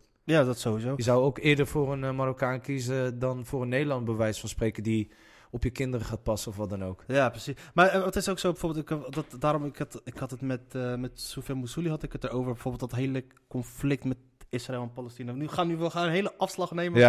Maar het feit dat bijvoorbeeld heel veel mensen dan eh, pro-Israël zijn hier in Nederland, heeft dan niks te maken met het feit dat ze het goed vinden dat Palestijnen worden vermoord. Maar het is meer dat ze zich, Schuldig, eh, ja, dat misschien, maar ook dat ze zich snel, ze kunnen zich sneller identificeren met iemand uit Israël, omdat hij meer op hun lijkt. Vooral de christenen. Ja. Zij geloven inderdaad. Eh, Uiteindelijk is het van, eh, en dat is ook zo wetenschappelijk, is er ook zo'n onderzoek gedaan. Mensen stemmen op mensen die op hun lijken. ja, dat is logisch inderdaad. En als dat, als, en, en dat gedrag, als het dan, eh, eh, als, de- als dat, dat soort gedrag dan uiteindelijk dan eh, direct misschien invloed heeft op Ja. een eh, donker iemand, terwijl het dan, het hoeft geen, ras, het heeft geen racistische, Nee. het is niet racistisch bedoeld. Maar net zoals slavenfilms. Als ik, als ik naar zo'n slavenfilm ga, ik heb affiniteit met donkere mensen. Omdat, ja, Marokko is sowieso... de Moren zijn eigenlijk ook donker. Maar, ehm, ja, ik heb gewoon... Ik, ik, ik, ik voel het leed ook van hun. En ik vind het ook heel erg om te zien. Terwijl het wordt niet bezocht door blanken. Misschien zit er 20%, 10%. Chris Rock heeft ook altijd mooi gezegd... Als er eh, eh, bij een slaapfilm, als het wordt bezocht door een blanke... is het geen goede slaapfilm. Omdat je namelijk een middenweg hebt gezocht. Je moet het gewoon zeggen zoals het is gegaan. Ja, maar is het, ma- maakt dat comedy voor Marokkanen moeilijker? Omdat het moeilijker is om, om, eh, om, om, her- om iets te ver- om je verhaal te doen wat zo herkenbaar mogelijk is. Want het Nee. lijkt mij, Tuurlijk niet. Als je, als je een brug kan bouwen naar jouw belevingswereld, dat vinden mensen interessant. Maakt niet uit wat voor kleur het heeft. Dan wordt het namelijk universeel. Maar als je, als je Marokkanen grappen gaat maken die alleen Marokkanen snappen, ja, dan, wordt het in de, dan, word je, dan word je voor een bepaalde groep. En daarom is Dave Chappelle zo goed voor de donkere gemeenschap, omdat hij is voor iedereen. Hij, hij laat je anders kijken naar een situatie. Hij is naast intelligent ook super grappig. Waardoor het voor iedereen is. Terwijl je hebt in Amerika ook heel veel comedians die alleen maar spelen voor mensen uit Harlem. ja. Dus dat, is gewoon, nee, het wordt absoluut niet moeilijk, maar het wordt wel moeilijk als je, als je, als je het, eh, Het gaat om je opvatting in principe. Als, jij, als jouw opvatting is, ik neem, ik neem een kijkje in mijn wereld. ja, nee, maar gewoon als je, als je, als je referenties hebt die alleen Marokkanen snappen, ja, dan wordt het, dan wordt het moeilijk om eh Truus uit eh, Friesland te entertainen. ja, maar dat is zo. Klopt, dat, dat is waar. Ja. Je moet een beetje inspelen op de nieuwsgierigheid van mensen. Maar dat lijkt mij dus ook, ook, ook, ook lastig altijd om, ehm, om een verhaal te doen. Want ik denk altijd van... Kan ik dit wel zeggen? Of ga, gaan mensen dit wel accepteren als ik Tuurlijk. bepaalde dingen zeg? Dat moet je doen. Alleen het gaat erom hoe je het zegt. Ja, Dat is voornamelijk belangrijk. En het is, het is heel makkelijk om te zeggen, fuck die en fuck dat. Daar zit niks in. Ja, maar je kan het doen. Maar wat wil je? Wil je mensen entertainen? Of wil je- wil je mensen eh, eh, anders laten kijken naar de situatie? Of wil je gewoon tegen schenen schoppen? Tegen schenen schoppen kun je doen. Er zullen maar een paar zijn die naar je zaal gaan komen. Maar dat is niet interessant. De kunst is juist om mensen een, een spiegel voor te houden. Dat is moeilijk. Ja, dat is moeilijk, maar dat vergt gewoon heel veel tijd en energie. En op een gegeven moment vind je je draai wel. Ik bedoel, ik doe dit nu al 11, 12 jaar. En ik ben nog steeds zoekende. En het zal waarschijnlijk tot mijn 60ste, 70ste zijn. Maar dat maakt het juist interessant. Dat heeft elke grote artiest, kunstenaar. Kijk naar Kanye West. Iedere keer een ander album. Prince, altijd een ander album. Het, je moet voor jezelf, moet je, je moet jezelf uitdagen. Je moet, en Da- Dave Chappelle in het begin is niet de Dave Chappelle die er nu. Nee, Dave Chappelle die was in het begin alleen maar compromis aan het sluiten. Die was alleen maar bezig met eh, hoe kan ik mensen entertainen, waardoor je zag dat hij dat hij niks onder controle had. En eh, dat zag je bij Louis C.K. precies hetzelfde. Louis C.K. van vroeger en nu, dat is zo'n groot verschil. Louis C.K. van vroeger was inderdaad ook heel erg eh, stem omhoog en heel veel energie, omdat Ja. ja, hij heeft het niet onder controle. Hij wil proberen van grap naar grap naar grap te gaan, terwijl omdat hij nu zo rustig is, zo at ease, maar ook zo slim en heel geraffineerd te werk gaat, merk je dat hij echt fucking genius is. Eh, Louis C.K. en, en Dave en... Komt hij nog terug, Louis C.K.? Hè? Komt hij nog terug? Ja, oh, oh, geloof mij. Ik denk, ik geef het misschien nog twee jaar, twee, drie jaar. En dan komt hij terug en keihard. En hij gaat het alleen maar over deze shit hebben. Over die situatie, over de fouten die hij heeft gemaakt. En hij gaat daar weer grappen over maken. En het is weer klaar. Eh, I- Iedereen omarmt hem weer. Ik denk het wel. Ja, ik bedoel, kom op, Bill Cosby, die zit nog steeds in zijn fucking rechtszaak. En die is nu gewoon weer aan het spelen. ja, ja, ja, denk Alleen, dat- alleen Bill Cosby kaart het probleem niet aan, denk ik. ja, maar ja, wat hij heeft, waar, waar hij van wordt beschuldigd is best wel sick. Ja, maar dat, dat snap je? Dus als je... Hij heeft gewoon 60, 70 vrouwen. We weten het trouwens niet, hè, want hij is er nooit voor beoordeeld. En dat maakt het een beetje wrang. Maar ja, als 60, 70 mensen het zeggen... Dan zal het wel een hele aparte complot zijn als die met z'n allen via een castingbureau zijn. eh, Je hoeft maar één gelijk te hebben. Dat is wel, ja, absoluut. Maar ben je zelf ook, jezelf, wat, wat, wel- welke groei heb jij dan gemaakt? Hoe ben jij anders gegaan als comedian zijnde? Ik ben heel veel verschillende dingen gaan proberen en doen. Ik ben eigenlijk in het, begon, eh, in het begin ben ik echt heel puur begonnen. Dus heel puur vanuit mezelf. Alleen, eh, ik was in die tussentijd was ik ook eh beatboxer, maar dat wist niemand. Totdat ik bij de Wereld Draait Door kwam. En mensen zeggen, hè, sinds wanneer kun je beatboxen? Toen zei ze, dat moet je doen. Allang. Dat moet je doen. En toen dacht ik, ja, nee, maar dat moet natuurlijk wel functioneel zijn voor hetgeen wat ik op podium wilde. Nee, maar dat is leuk, doe het gewoon een paar keer. En toen deed ik het. En het, ja, dat werkt heel goed. En toen ben ik dat er tussendoor gaan doen. En toen, toen merkte ik alleen, ja, nou ben ik een hele andere kant op aan het gaan. Nou wil ik een beetje Pablo Escobar, eh, of eh, eh, Pablo Francisco-achtig. En dat wilde ik niet. Ik, ik, wil namelijk echt... eh, Die was echt alleen bekend van zijn Hollywood stem. ja, maar ook stemmetjes en geluidjes. En ik wilde dat niet. Dus in het begin was het, eh, begon ik puur. En daarna ben ik een beetje die kant op gegaan. Toen ben ik gestopt. En toen ben ik eh, een beetje van links naar rechts gegaan, comedy. En eigenlijk de laatste vier jaar heb ik gezegd... Hé, hey, ik ga all the way. Ik wil gewoon echt... ik wil gewoon goed worden. En toen ben ik mezelf gaan ontwikkelen. Mezelf gaan uitdagen. En ik ben nog steeds bezig en aan het groeien. Totdat het op een gegeven moment goed is. Wat, wat is nu wat, het, het verschil? eh, tijdmachine ging dan over vroeger. Ja. En wat is Monopoly? Wat is, wat is het verhaal? Nou, Monopoly gaat eigenlijk over. ehm, tenminste, dat weet ik straks waar het echt over gaat. Eh, van tevoren moet je altijd een werktitel hebben. Maar mijn gevoel, ik wil wat, wel wat meer de diepte in gaan. Eigenlijk waar ik het met je net over had. Weet je wel, over dialogen met elkaar aangaan. Maar ook een beetje het spelelement. Dat ik altijd het gevoel heb gehad, doordat ik eh, ja, niet mezelf kon zijn, dat ik iedere keer drie, drie stappen terug ging. Dat ik weer terug naar start moest. Weet je wel, iedere keer weer terug naar Ja. start. En hoe meer ik terug naar start moest en hoe meer stappen ik toch naar voren ging, dan had ik weer het gevoel dat ik weer in een gevangenis zat. En Maar wanneer moest je dan terug naar start? nou, het is als je jezelf verlogent. Als je trucjes bedenkt om eh, mee te gaan in de samenleving. Ja. En nu eh, probeer ik mezelf toch eh, af en toe als buitenstaander te kijken naar een situatie. En dan kom je dus op dingen als waar we het net over hadden. Dat we denken, ja, het is heel makkelijk om een Marokkaan zo neer te zetten. Of is als Marokkaan heel makkelijk om een Nederlander zo neer te zetten. Maar probeer nou eens echt naar de feiten te kijken. Ja. Probeer nou eens echt te kijken wat er echt aan de hand is. In plaats van dat je shit maar klakkeloos overneemt van nu.nl. Want die hele 72 maagden. Dat, is, dat staat nergens in de Koran dat dat, dat dat is. Dat is gewoon ooit bedacht of zo. En dat is zijn eigen leven gaan leiden. Waardoor nu.nl het overneemt en al die andere bladen. Waardoor dus ziet dat cabaretiers het ook overnemen. Terwijl ik denk, maar heb jij de Koran wel eens gelezen? Probeer, daarom vind ik het heel fijn dat als ik iets... Als ik, als ik het ergens over wil hebben, dan wil ik wel eerst snappen waar het echt over gaat. En een patroon die je terug ziet komen. Kijk naar het patroon dat we. Wat, eh, er zijn zoveel patronen die je van vroeger ziet terugkomen en nu. Weet je wel? Ehm, ik, bijvoorbeeld Nederland, die ehm, had vroeger. Want Nederland die was echt goed als het gaat om eh, monopolies hebben. Eh, in... in, in, in eh, Ze hebben het uitgevonden toch met die eh, VOC shit, die hele... ja, die VOC shit, kill. Luister, die hele financiële markt zou nooit in stand zijn gekomen als de VOC er niet was. Want Ja. dat eerste aandeel, Ja, was Amsterdam. het is een Nederlandse, uit Nederlandse uitvinding, hè, aandelen hebben. Eerst, eh, Ja, dat is gewoon in Nederland bedacht. En kijk, omdat Nederland heel goed was, Nederland had vroeger ook echt lef. Daarom snap ik wel wat eh, eh, dingen bedoelde. Uh, Balkenende toen van we moeten terug naar VOC-mentaliteit. VOC-mentaliteit. Dat is omdat Nederlanders hadden fucking lef. Die Ik voeren naar, naar het onbekende. Hè? En terwijl nu, nu, nu, nu leven ze eh, vaak in een systeem en het is... Slavernij was trouwens de WIC, die was bezig met slavernij. Ja, ja. niet, dus ik snapte de hele commotie eigenlijk een soort niet. Ja, Ik snapte het wel enigszins, maar ja, teruggaan naar waar het eigenlijk Ja. om gaat, wat je net zei. precies. Maar je ziet bijvoorbeeld ook met, met die VOC, eh, s- de, de, eh, de Molukken werd eerst bezet door de Portugezen.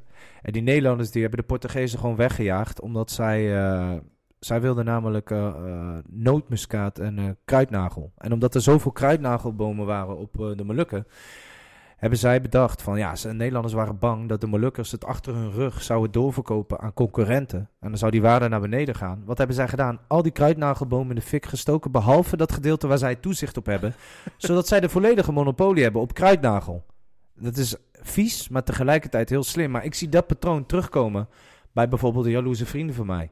Die dan eh, bij zo'n meisje zeggen van ja, je mag niet met die en die contact hebben. Alle telefoonnummers weg. Ik wil de code hebben van je Facebook en je Instagram. Zodat zij de volledige controle hebben op zo'n meisje. En dat zie je overal terugkomen. Isoleren die ook. Isoleren. Dat zie je overal. Dat zie je, dat zie je in de filmwereld. Hè, de, de, de, de, dat de mensen in de filmindustrie de monopolie hebben. Centraliseren, Ja, isoleren en- en, en- incasseren. En, en wat de uitkomst daarvan is, is dat Hollywood nu zoiets heeft van... hé, we voelen nattigheid, we moeten nu die donkere mensen ook wat meer rollen geven. Terwijl ik vind dat ook niet oké, omdat ik, ik vind dat mensen moeten aangenomen op basis van wat ze kunnen. En ik vind ook, als wij shit willen veranderen, dan moeten wij ervoor zorgen dat wij die monopolie hebben. Want ik wil niet dat bijvoorbeeld een Disney of wat dan ook... musicals of films gaat maken over onze... Onze, onze, onze cultuur of achtergrond of wat dan ook. Want het is, dan wordt namelijk heel oppervlakkig. Klopt. Heel oppervlakkig. Daarom in Bell Beast zag ik geloof ik bij die intro, bij die remake, dat een donkere man was de eigenaar van de bibliotheek. Dat ik denk, dude, come on. Weet je wel, laat ik het zo zeggen, een theepot en een kandelaar die kan praten vind ik veel geloofwaardiger dan dat. Snap je wat ik bedoel? maar, dat, maar, maar, maar dat soort shit krijg je dan. En, en daarom moeten mensen echt snappen. Daarom vind ik het wel goed dat bijvoorbeeld Ali B en dat soort gasten hebben gezegd: fuck deze shit. Floyd Mayweather die heeft gezegd: oh serieus? Dus ik ga mezelf helemaal kapot werken. En in de ring staan tegen mensen vechten. En er zijn mensen op de achtergrond die er veel meer profijt hebben van ik. No. Fuck jullie. Ik word mijn eigen boxpromoter en ik ga de eerste zijn, ever. Kijk wat hij heeft. 800 miljoen. Eh, waarschijnlijk binnenkort alweer een miljard. En eh, hij heeft gezegd, eh, ik doe dat. En dat is goed. Dat moet je doen. Je moet je eigen imperium opbouwen. Jij kent Ali B goed. Ja, ik Hoe heb, is hij, man? Ik vind het zo'n fascinerend persoon, man. ja Ali die heeft, eh, die heeft hard gewerkt, man. Wat een bikkel is dat, man. Ja, maar Ali heeft ook gezegd van, ik, wil, ik wil mijn eigen shit doen. Mijn eigen dingen opbouwen. En dat, is, dat doet hij ook goed. Weet je, iedereen die nu bij hem getekend is, die is, ja, het is allemaal onder zijn naam. En, en dat doet hij heel slim. Want eigenlijk zijn zij, zij zijn zijn tafelpoten die hem nog staande houden. Ja, wat heeft hij, heeft het wel goed gebouwd allemaal. die- Absoluut. Jay-Z in Amerika, al die gasten. En dat is, dat is wat we moeten blijven doen in plaats van alleen maar zeiken op tv. Sylvana Simons ook, ja. Waarschijnlijk is het in het echt een hele tof, top, toffe wijf. Maar ik kijk en ik, ik, ik vind het moeilijk om, om, eh, om bepaalde dingen met haar te kunnen synchroniseren. Omdat ik denk, ja, je, je komt dan op voor een bepaalde groep. Terwijl eh, jij bent daar niet de aangesproken, aangewezen persoon voor. Omdat jij hebt al die tijd gewerkt. Je hebt Dancing with the Stars gedaan, TMF. In een tijd dat het überhaupt moeilijk was om op tv te komen. Toen stond zij er al. Toen stond zij er al. Zij heeft altijd gewoon goed gehad, eh, bij wijze van spreken. En dit en dat. En daarom is het moeilijk. Je wilt toch dat, dat je messiah, of wat dan ook, dat het toch iemand is die snapt waar je vandaan komt. We hebben, ik denk dat het bij Sylvana Simons op een gegeven moment... eh, eh, die dat gewoon erger is geworden. Dat zij gewoon naar die rol toe gaan leven. Ja. Wat, wat mensen, dat beeld van de Ja, maar dat heb je met- woman. Zij is, dat heb je met Git Wilders exact hetzelfde. Die pretendeert dat hij dat hij van het volk is. Bullshit. Hij is de gevestigde orde. Hij, hij hoort bij de elite. Hij is het langzittende Kamerlid. Luister, hij, hij is niet opgegroeid in een volksbuurtje. Ik weet hoe het is om met die mensen op te groeien. Mensen die in een uitkering zitten, mensen die, eh, weet ik veel, naamkettingen hebben, weet je wel. Of gewoon mensen die eh, iedere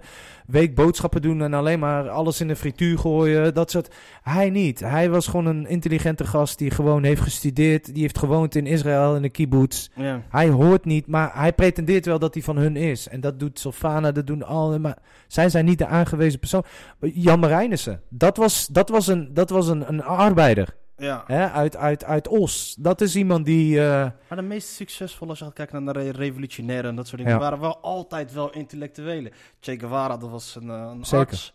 Wie had je nog meer dan? Hier had je Willem van Oranje, die was dan de man van het volk. Die was Karl. Marx. Karl Marx. Karl Marx waren allemaal ho Het waren wel altijd wel intellectuelen die altijd bepaalde revoluties Absoluut. Alleen, ja. Al wil ik Geert Wilders niet in dat groepje scharen. Of zo, Nee, maar, eh, Geert Wilders is absoluut, ja, precies. Maar Geert Wilders is absoluut inderdaad wel een, eh, een intellectueel. En die, kijk, en juist, het zijn juist dat soort mensen die anderen weer proberen te sturen. Ik bedoel, hoe denk je dat Hitler en Mussolini aan de macht is gekomen? Dat komt gewoon door de conservatieven. Die zeggen, ze komen dat en dat van ons pakken en dit en dat. En, en dat zijn allemaal systemen, hoe je landen kan... Be- Dat is gewoon strategen. dat is strategie. Strategen. Ja. Al moet ik wel zeggen, ik kan wel soms genieten van Geert Wilders. Ik geniet daar. Ik, eh, Echt toen waar, die zei ja. minder, minder, ik heb echt gelachen. Ik, ja, hij- als je, nu heb je Thierry Baudet. Thierry Baudet heeft totaal geen gevoel voor humor. Nee. Totaal niks. Er zit geen, niks van gevoel voor humor in. Geert Wilders, wat ik ook van, van vind, hij heeft wel gevoel voor humor. Hij is slim en goed ook hoor. Hij zou een goede comedian zijn. Maar als hij die momenten, het mooiste moment vind ik doen, dan staat hij bij de, bijvoorbeeld bij die algemene beschouwing is. Dan is het weer tijd dat hij dan anderhalf uur mag gaan ouwehoeren. Ja. En dan weet hij wanneer dat punt komt dat hij wat schokkends gaat zeggen. Ja. En dan zegt hij dat. En dan zie je ze allemaal naar die interruptietelefoon, eh, naar de inter- interruptiemicrofoon Ja. rennen. En dan staat hij daar zo met zijn armen gekruist. Kom maar, laat maar. Precies. En weet je, weet, je, weet je wie hem in stand houdt? Dat zijn uiteindelijk de boze moslims. Die houden hem in stand. Die geven hem die kracht en die power om groot en goed te blijven. zijn moslims niet meer op hem, hè? Nee, dat, maar daarom gaat zijn dingen nu ook weg. Zijn populariteit is bijna weg. Hij probeert het af en toe wel door een paar zinnetjes, lukt niet. Ik denk dat Thierry Baudet nu binnenkort wel... eh, ja, want wij zijn immuun voor die shit. Want Toen ik, toen ik, eh, toen ik hoorde van, ja, heb je gehoord dat Geert Wilders zei? zei wat? Ja, minder, minder, minder. Ja, dat roept hij al jaren. ja. Ik- dat weet ik, dat weet En ik hij is tenminste eerlijk. Ik bedoel, eh, er wordt nu heel erg... eh, hij, hij wordt erop afgestraft, terwijl volgens mij is hij niet het kwaad. Eh. Ik irriteerde mij het meest die linkse... Ik irriteerde mij het meest aan de reactie van al die andere politici die, die, die moord en brand schreeuwden om wat hij riep. Terwijl het al iets is wat hij al jaren roept. Ga je Ja. nu pas, eh, ga je Ja. nu pas verbouwen? Ik heb, liever, ik heb liever woorden dan daden. Ik denk dat hij... eh, bij, hem zijn, bij hem is het gewoon woorden. En Ik vind het goed dat de PVV er is, weet je. Laat die mensen maar lekker stemmen wat ze willen. Absoluut. Gooi er maar lekker uit. Ja. Weet je, aan de andere kant, en ik, ben- dat, dat vind ik wel goed aan de Marokkaanse gemeenschap nu. We hebben wel een dikkere huid gekregen. Ja, gelukkig inderdaad. Maar eh, ze moeten er vooral niet gaan eh, intrappen. En eh, ja, daarom is humor belangrijk. Hè? Kijk, als humor weg is, dan is het gewoon klaar. Humor... ja, top. Ja, dan houdt het op. Je moet hierom kunnen lachen. Ik, ik, ik heb er echt om gelachen. En ja, die mensen die aangifte zijn gaan doen, denk ik, ja... Dat moet je zelf weten, maar je neemt jezelf daarin te Maar serieus. Het creëert ook een hele comedy scene, Ja. vooral op social media. Als je ziet dan hoe mensen daarop reageren, Ja. geweldig. Ik ga er echt helemaal stuk. Ja. Maar ook dingen als de Zwarte Piet discussie, eh eh, vluchtelingenvraagstukken en dat soort dingen. ja, man. Ik volg dat op social media alsof ik voetbalwedstrijd zit te kijken. Echt spannend. Gewoon Ja. la- en lachen. Ja, En- precies. En lachen. Ja, daarom. En, en ook die tijd in de jaren negentig had je dat geloof ik ook. Er was ook een hele vluchtelingenstroom. Dat, eh, pff, mensen waren er ook tegen, terwijl ze dus niet... Ja, ze snappen niet waarom. En eh, ze weten niet dat bijvoorbeeld eh, Nederland ook in Bosnië als blauwhelmen in Srebrenica... dat ze daar ook ja, een rol daarin hebben inderdaad. Dus Ah, heel Europa, die shit. Ze hebben die boel laten afvikken daar dan. Ja, nee, daarom. En dat, is, dat, dat, dat maakt het een beetje verhang. Is dat mensen dus... Ze, ze weten zo weinig van elkaar. En eh, als, je in een, in een, als mensen alleen maar blijven schreeuwen, ja, dan... dan Ja, maar weet je, aan de andere kant zit ook, ik, ik, ik, ik, jij ook waarschijnlijk, je bent heel wel bezig met politiek en met, met maatschappelijke dingen, je volgt Ja. het nieuws en dat soort dingen allemaal, ja. waardoor je echt geschiedenis, Nou, waardoor, je, waardoor je- nieuws valt wel mee. Ik, ik, ik, ik kijk het wel, maar ik kijk er doorheen. Vroeger eh, werd ik van nieuws werd ik slimmer en beter, nu niet. Nu zie ik gewoon dat het gewoon een spel is. Het is maar ges- geschiedenis dan, je weet Ja, zeker. het geschiedenis is het een en ander, je weet waar dingen vandaan komen, je kan verbanden leggen, ja, waardoor het voor jou, de, omdat het jou interesseert, maar er zijn een hoop mensen die niet hebben. die ja. daar de tijd niet voor hebben. Nee. Weet je, een hoop mensen hebben de tijd niet voor om achter te komen van eh, hoe, hoe- hoe het echt zit. Hoe zit het nou zo? Kan je het je dan kwalijk nemen dat ze dan bepaalde standbeelden, de- de bepaalde beelden hebben? Ja, nee, absoluut niet. Ik, eh, ik neem het niemand kwalijk, inderdaad. En ook die, die tokkie eh, die dan schreeuwt van... eh, ja, ze moeten allemaal terug en het zijn allemaal gelukzoekers. Terwijl ik ben laatst in Indonesië geweest. Daar waren allemaal Nederlandse expats. Dat zijn gelukzoekers. Want ehm, noem maar op waar. Of het nou Nigeria is, Indonesië. Het zijn allemaal gelukzoekers. En is het zo erg dan? We, we, we moeten toch gelukkig zijn? Is het zo? Ja. Is gelukszoekers is dat zo slecht? Ja, nee, inderdaad. Het, het is toch niet erg, maar mensen moeten wel begrijpen dat hun geen gelukzoekers zijn. Zij vluchten voor, eh, voor hun land, omdat daar oorlog is. Die expats die er naartoe gaan, dat zijn gelukzoekers, want ze spreken de taal niet, ze genieten van het land. Eh, ze zijn, eh, eh, alle, alle prioriteiten zijn voor die mensen, omdat ze Goed betaald ook. ze, ja, precies. Ze brengen geld in het laadje. Alleen, er zijn ook weer constructies. Bijvoorbeeld bij Shell in Nigeria. Ja, dat, uiteindelijk zou dat land er beter op kunnen worden. Maar ze hebben dus constructies bedacht... waardoor het geld onder tafel weer terugkomt. Want het is uiteindelijk allemaal... het zijn allemaal belastingparadijzen. En ondertussen dat hele land in de fik. En ondertussen dat land in de fik. Op Curaçao zag ik het ook. Dan, daar zat dan ook geloof ik Shell. En eh, die, die, die, eh, ja, die maakt gewoon heel veel geld. Maar aan de andere kant heb je ook Buena Vista. Dat is een, eh, een achterstandswijk. En daar heeft de helft heeft daar kanker door al die gassen en dat soort dingen. En dat wordt helemaal niet gecompenseerd. En op een gegeven moment voelden ze nattigheid. Toen hebben ze dus voor symbolische euro...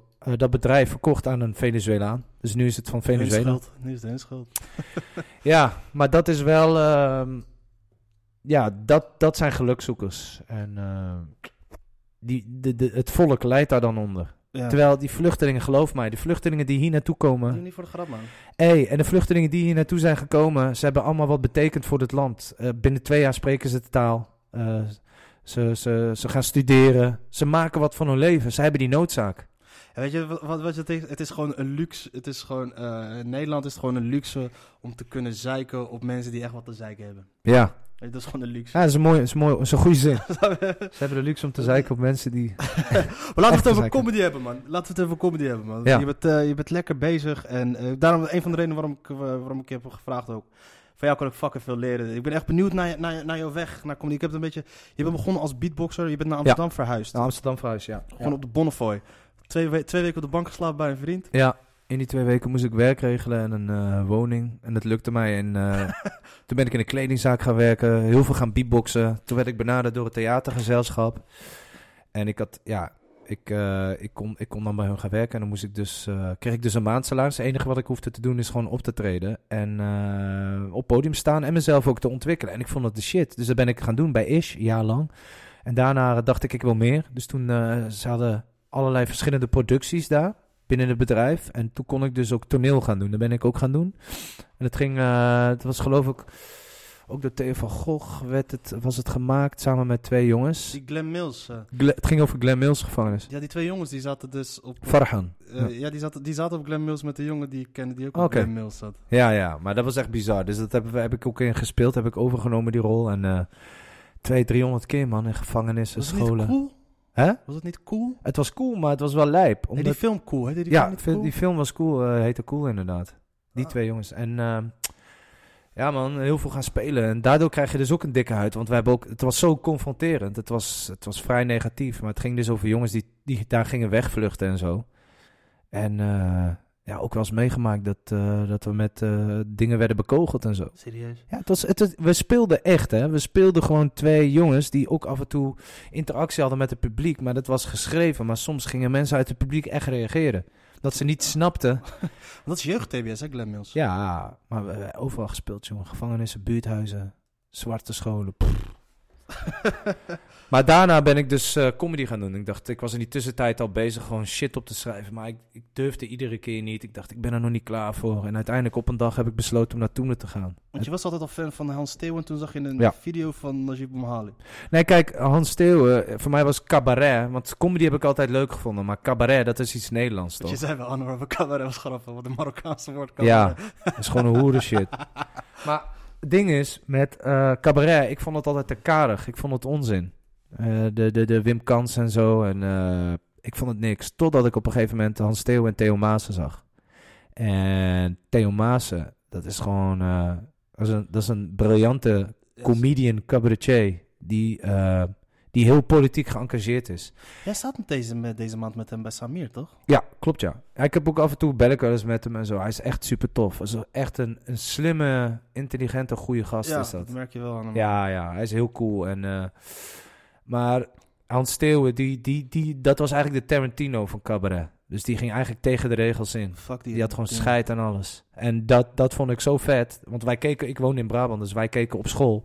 Net voor een vakantie kwam toch altijd zo'n videorecorder de klas in. En dan gingen we met z'n allen kijken en dan had, hadden we altijd Hans Steeuwen. Dus dan gingen we gewoon Hans Steeuwen kijken. Hard en zielig met een breidek. Oh, dat was de shit. Dus toen wist ik, klaar. eh, dit, dit wil ik ooit. Dit wil ik. Want ik wilde sowieso wel iets doen met kunst. Eh, met, met, met comedy of cabaret. Maar eh, ja, man. Toen ik Hans zag, toen dacht ik, ja. En later kwam Najib. Ja, toen was het echt helemaal van... want hij kwam toen met... eh Veni Vidi Vici, of die, die half uur die hij had, eh, waar, waarmee hij had gewonnen op het Leids Cabaret Ja. Festival. En het werd toen gedeeld massaal bij Casa en zo. Ja, toen ik dat hoorde, dacht ik, hé, hey, dit is de shit, man. Najib, Najib kwam ook binnen als een gek. Ja, ja, dat was meteen. Hij was ook de eerste Marokkaan. En al zijn. eh, En gelijk ook. De, weet je wat mijn eerste gesprek ooit was met Najib Mahali? nou, was tijdens het... hij heeft in die uh, Wendy Vidivici heeft hij op een gegeven moment een stukje dat hij eh, zegt dat wat zijn droom is. Vlak voordat hij dat zijn droom is om in het Nederlands elftal te spelen. ja, ja, ja. Maar hij bouwde het zo op en ik denk nu gaat het komen. En mijn droom is spelen in het Nederlands elftal. En ik was echt teleurgesteld in wat hij zei. Dus ik Ja. zat zo in het publiek zo. Ik zeg, tas! Hoor doet hij dit? Draait hij zich om. Een nennesh. Hij is de shit, hè? Ja, man. Ja. en daarom, maar eh, wat is er met, met Najib gebeurd trouwens, man? Ja, hij. eh, Ja, het is heel knap. Kijk, ik ben nu al met mijn tweede bezig en ik maak me al druk om die derde. Hij heeft er al vijf gehad. Hij heeft er al vijf gehad, hij is nu met die zesde bezig. Dus Hij komt ja. weer terug. Ja, ja, Ik moet je eerlijk zeggen, ik was bij de finale van het Leids Cabaret Festival. Toen speelde hij. ja. Het was niet best. Nee, oké. ja, het is, eh, soms moet je voor jezelf ook gewoon de tijd nemen. En ik zeg altijd, als ik het gevoel heb dat ik, eh, dat ik even rust moet nemen, dan doe ik dat. In, Hij zag er moe uit. ja, maar kijk, in, eh, in die documentaire van Jerry Seinfeld zeiden ze het ook, weet je wel. De, de, de oude boxgym, dat zijn al die clubs. Dat zijn de open podiums. En die moet je blijven pakken om, om goed te trainen. Je kan niet weer de ring in gaan. Badder ook, als hij een wedstrijd moet doen, dan moet hij pompen als een gek. Knokken. Nu ook. Hij moet echt weer gewoon gaan inkomen om straks weer gewoon eh, iedereen eh knock-out te slaan, weet je wel. En zo is dat ook met comedy. En ja, daarom moet je nooit eigenlijk zo'n comedyclub of open podiums vermijden. Je moet het blijven doen. Daarom is Raoul Heertje nog steeds echt supergoed. Omdat hij, hij vindt het leuk om juist dat soort kleine dingetjes te pakken. Maar dat is, eh, ja, dat is de essentie van de comedy, toch? Die clubs, die dingen. Die, Ja, Daarom vond ik het ook vet dat Dave Chappelle dus zijn, die laatste special heeft opgenomen in die... ja eh, vet hè. Vet. Vet, hè? super vet. Ja. Want dat is dan... dan, dan eh, de ene is dan in de grote arena en die andere is dan in die... Ja. Maar je ziet, het, het maakt hem helemaal niet uit. Nee, hij zit gewoon op een stoel en hij praat, hij lult gewoon door een microfoon. Ja, terwijl, terwijl ik dan eh, toen... Ik, jij was ook naar die show van Chris Rock geweest Ja. hier, zo. Ja. En die staat nu op Netflix. Ja. Ik dat is een verschil hè? Ik merkte echt een verschil. Ja, ik ook, merkte man. echt een verschil. Ik ook. Ik zit zo te kijken van ja, ik mis iets. Terwijl eh, die, die eh, voorprogramma's, dat was eh Michelle Wolf. Wolf, die Ik was eh, in eh, december was ik in New York, dus ik ben iedere dag naar Comedy Cellar gaan. Daar zag ik haar spelen en al die anderen en nog meer. Ze was fucking gruwelijk. Terwijl daar dacht ik, oh wat een irritant wijf. Ze was timide voor, de, En ook- voor die zaal. Haven't you nou deze? En ze praat de hele tijd zo. Ik werd helemaal gek. Nee, maar to- toen zij aan het spelen was, de, die atmosfeer leek heel... Ja, maar dat doen ze expres. Die, het, die, het leek laag. Ja, maar dat doen ze expres. Want eh, bij, de, bij, de, bij Chris, toen gingen de lichten pas aan. En bij de, Ja. bij de begin-acts doen ze lichten uit. Zodat er wel een duidelijk eh, onderscheid is. Ja, dat had ik dat. Als het, terwijl ik, dat- ik had het dan een keer gezien op Letterman, dat waar, een min, waar een kleiner publiek is, Ja, dan komt het er wel beter uit. Ja. Bij Chris Rock was het dan weer andersom. ja klopt. Absoluut. Heeft het te maken alleen met licht of zo? Het heeft te maken met licht en ook, eh, je wil natuurlijk niet eh, de beste laten openen, want straks ga je er niet meer overheen. Dus Ja, dat- dat dat- is waar. Daar hebben ze natuurlijk ook wel over nagedacht. En het is ook zo, in een, in een vol arena, dan kan Ja. Chris Rock die Chris Rock stem erin gooien. Ja, Die hij in die Netflix special niet kon doen. nee, absoluut. Nee, maar er was wel een verschil, man. Niet Tambourine op Netflix. Maar ook met Louis C.K. heb ik ook in Ziggo gezien. Toen ik hem op Netflix zag, veel minder. Veel minder. Terwijl in Ziggo was echt super genius. Echt gelachen. Hij was echt goed. Ik, had, eh, ik was niet geweest, ik had dan net te laat kaarten gehaald. Ja, maar het was Eh, wel... eh, de- de- inderdaad, het is gewoon een verschil. Soms, soms komt het wel goed over en soms niet. Wanneer ga jij in de Ziggo Dome staan? Eh, ik, ik, ik weet niet, man. Carré, Carré is ook vet, man. Ja, Carré zeker. Ja, kijk, ik, Carré. ik heb mijn eerste programma heb ik al in Kleine Comedie gestaan. En ze zeggen, na Kleine Comedie komt Carré. Ja, Alleen- dat, ah, dat is wel Ja, er moet wel animo zijn. Er moet wel, eh, ik, eh, ik wil niet nu in Carré staan en dat daar dadelijk eh 200 man zit. Pas als ik echt mijn doorbraak heb, of dat mensen, waarvan dat ik zeker weet, oké, die mensen willen me absoluut zien. dan ik hoop dus in mijn derde.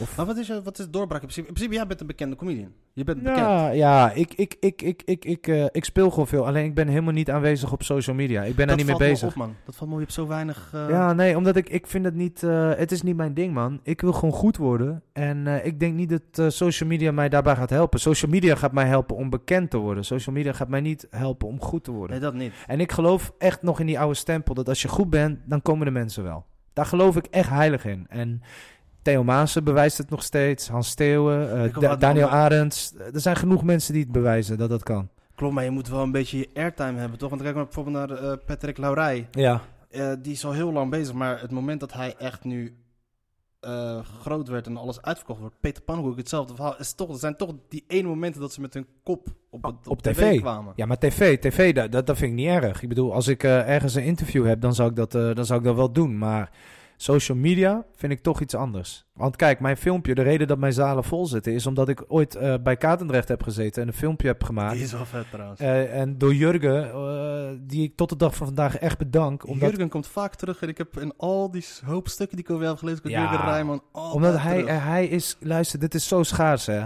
Dit is zo schaars in de comedywereld dat iemand je het zo gunt en hij gunt het me echt. En hij zet me ook altijd gewoon goed neer en um, ja, hij zegt ook, hij ziet gewoon de waarde in mij. En dat, dat is heel schaars, want heel veel comedians zijn jaloers. Die willen je of, uh, of ze gunnen jou het podium niet. En er zijn er maar een paar. Ik heb dat echt met Jurgen, uh, natuurlijk met vrienden van mij, Rijn en zo, maar ook Theo Maas. Theo Maas is ook altijd heel erg uh, positief en daar bel ik ook af en toe mee. En dat is echt heel schaars. Ja, dat is... Het heeft met gunning te maken. En niemand gunt het je, want het, het zijn allemaal haantjes. Ze zijn bang dat, je ze, dat, je, dat, je, dat, je, dat de taart uh, klein genoeg is. Snap precies, je? Precies. Met Jurgen Rijmans rol in comedy wordt echt onderschat. De eerste shit wat hey. ik was, uh, was, uh, was, was dat... Luister, Jurgen Rijman is echt belangrijk geweest. En nog steeds belangrijk. Want bij mij heeft hij het ook bewezen, is zo belangrijk geweest voor fucking comedy in Nederland. En ik vind het inderdaad zo irritant dat dat af en toe niet wordt erkend. Terwijl mensen echt moeten accepteren dat hij echt belangrijk is. Stand-up comedy is eigenlijk, als, als het om Nederland gaat, op de televisie... Jurgen is Jurgen. Alleen als je op de achtergrond kijkt, is het Raoul Heertje. Als je kijkt naar Toemler. Ja. Raoul Heertje is daar echt belangrijk in geweest. Voor alle grote talenten ook. Maar hij dat? Eh, maar, uh, maar buitenlandse comedy, dus uh, buitenlandse comedy met Nederlandse, is, is, is Jurgen is heel belangrijk geweest op televisie. Maar hij schoof jullie ook naar voren, toch? Tuurlijk. Hij schoof jullie naar schoof voor Rashid Larousse schoof naar voren. Ja. Ryan schoof in Panda schoof naar voren. Hij schoof Sundu schoof in, schoof naar voren. Najib kwam ook bij hem. Iedereen, ja. Iedereen schoof hij naar voren. Ja, hij is, hij is echt, echt heel belangrijk. En ik, ik, misschien, misschien uh, zijn er mensen die het niet herkennen of nog niet inzien, maar er komt een tijd dat mensen het gaan inzien. En ik hoop niet dat het pas is als hij dood is. dat hoop ik niet. Maar geloof mij, hij is echt... Niemand gaat het hem nadoen. Hij is van de Surinamers, is hij echt... Want hij fixt al die shit voor jullie in Suriname, toch? hij is de top. Zo, hij is de top. Echt waar. Je hebt nu heel veel nieuwe... Maar wat hij heeft bewerkstelligd of voor elkaar heeft gekregen... dat heeft niemand nog gedaan. 13 seizoenen op tv. Altijd relevant gebleven. Tegelijkertijd theaters. Andere mensen pushen. Buitenlandse comedians hier naartoe gehaald. Die hij, hij heeft fucking Patrice O'Neill hier naartoe gehaald. Hè? Patrice O'Neill. Weet je hoe fucked up ik dat vind? Dat ik denk, fuck, Patrice O'Neill was gewoon in Nederland. Die heeft gewoon bij het Comedy Café daar even boven gewoond. Hij heeft daar gewoon gewoond, hè? Bij de Max Euerplein. Ja, jongen. Allemaal dat soort dingen. En ja, maar Jurgen is echt heel belangrijk. Dus ik hoop dat over een tijdje, of misschien is dat al wel aan de hand, maar dat mensen echt die waarde inzien van wat hij, hoe belangrijk hij is geweest. Niet alleen voor comedy, hè? Ook voor mensen. Hij heeft mensen bij elkaar gehaald, hè? Klopt. Hij is, hij is die verbindende factor geweest, altijd. Daarom was het een beetje, een beetje, een beetje wel hard dat de NPO hem toen zo gewoon aan de zijkant ja. heeft geschoven met die programma. Ja. ja. Terwijl het gewoon een kijkcijferkanon was, toch? Mensen niet alleen kijkcijferkanon, hij was, hij was voor iedereen. En dat was zo interessant. En uh, ja, misschien had hij ook niet zichzelf moeten mengen in bepaalde discussies. Dat kan ook helpen. Er zijn natuurlijk op een gegeven moment uh, zijn er heel wat discussies ontstaan. En ja, ja, moet je moet een discussie moet een, ja, zeg maar tegen comedian dat hij zijn mond moet houden. Nee, natuurlijk. Nee, daarom. Dus eh, dat is wat ik zeg inderdaad van als het, als het gaat om ja, misschien dat hij dat niet moet doen, maar aan de andere kant inderdaad, ja, wie is hij om daar zijn bek over te houden? En het is natuurlijk ook moeilijk, want dat merk je bij een cheap ook als je op een bepaalde manier wordt neergezet en vervolgens geef je het tegenovergestelde. Daarom heb ik altijd gezegd, ik wil vanaf het begin Nabil zijn. Ik wil niet eerst de knuffel Marokkaan zijn.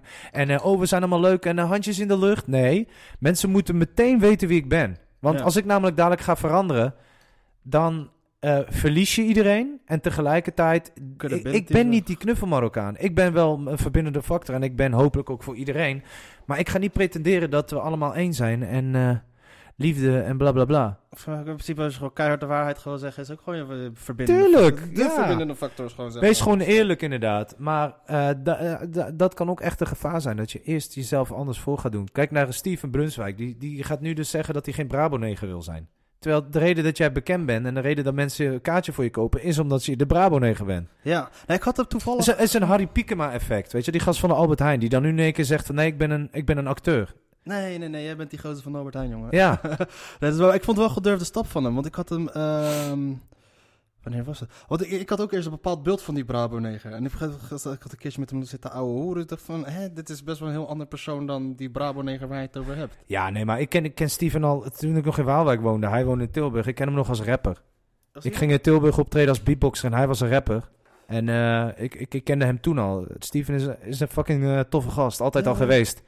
Maar het is, een, het is een, al, een imago die je op een gegeven moment aanneemt. Maar ja, als je met die imago, als je daarmee eh, brood op de plank brengt en je zegt, hey, fuck die imago, ik ga tegenovergestelde. Dat is moeilijk hè, voor mensen. Ja, ik vond het gedurfd wat hij doet. Ik vond echt gedurfd wat hij doet. ja, ja, maar hij wil, ook, eh, hij wil ook natuurlijk gewoon nu de, wat meer de diepte in en zo. Wist je dat hij de neef is van Kenny B?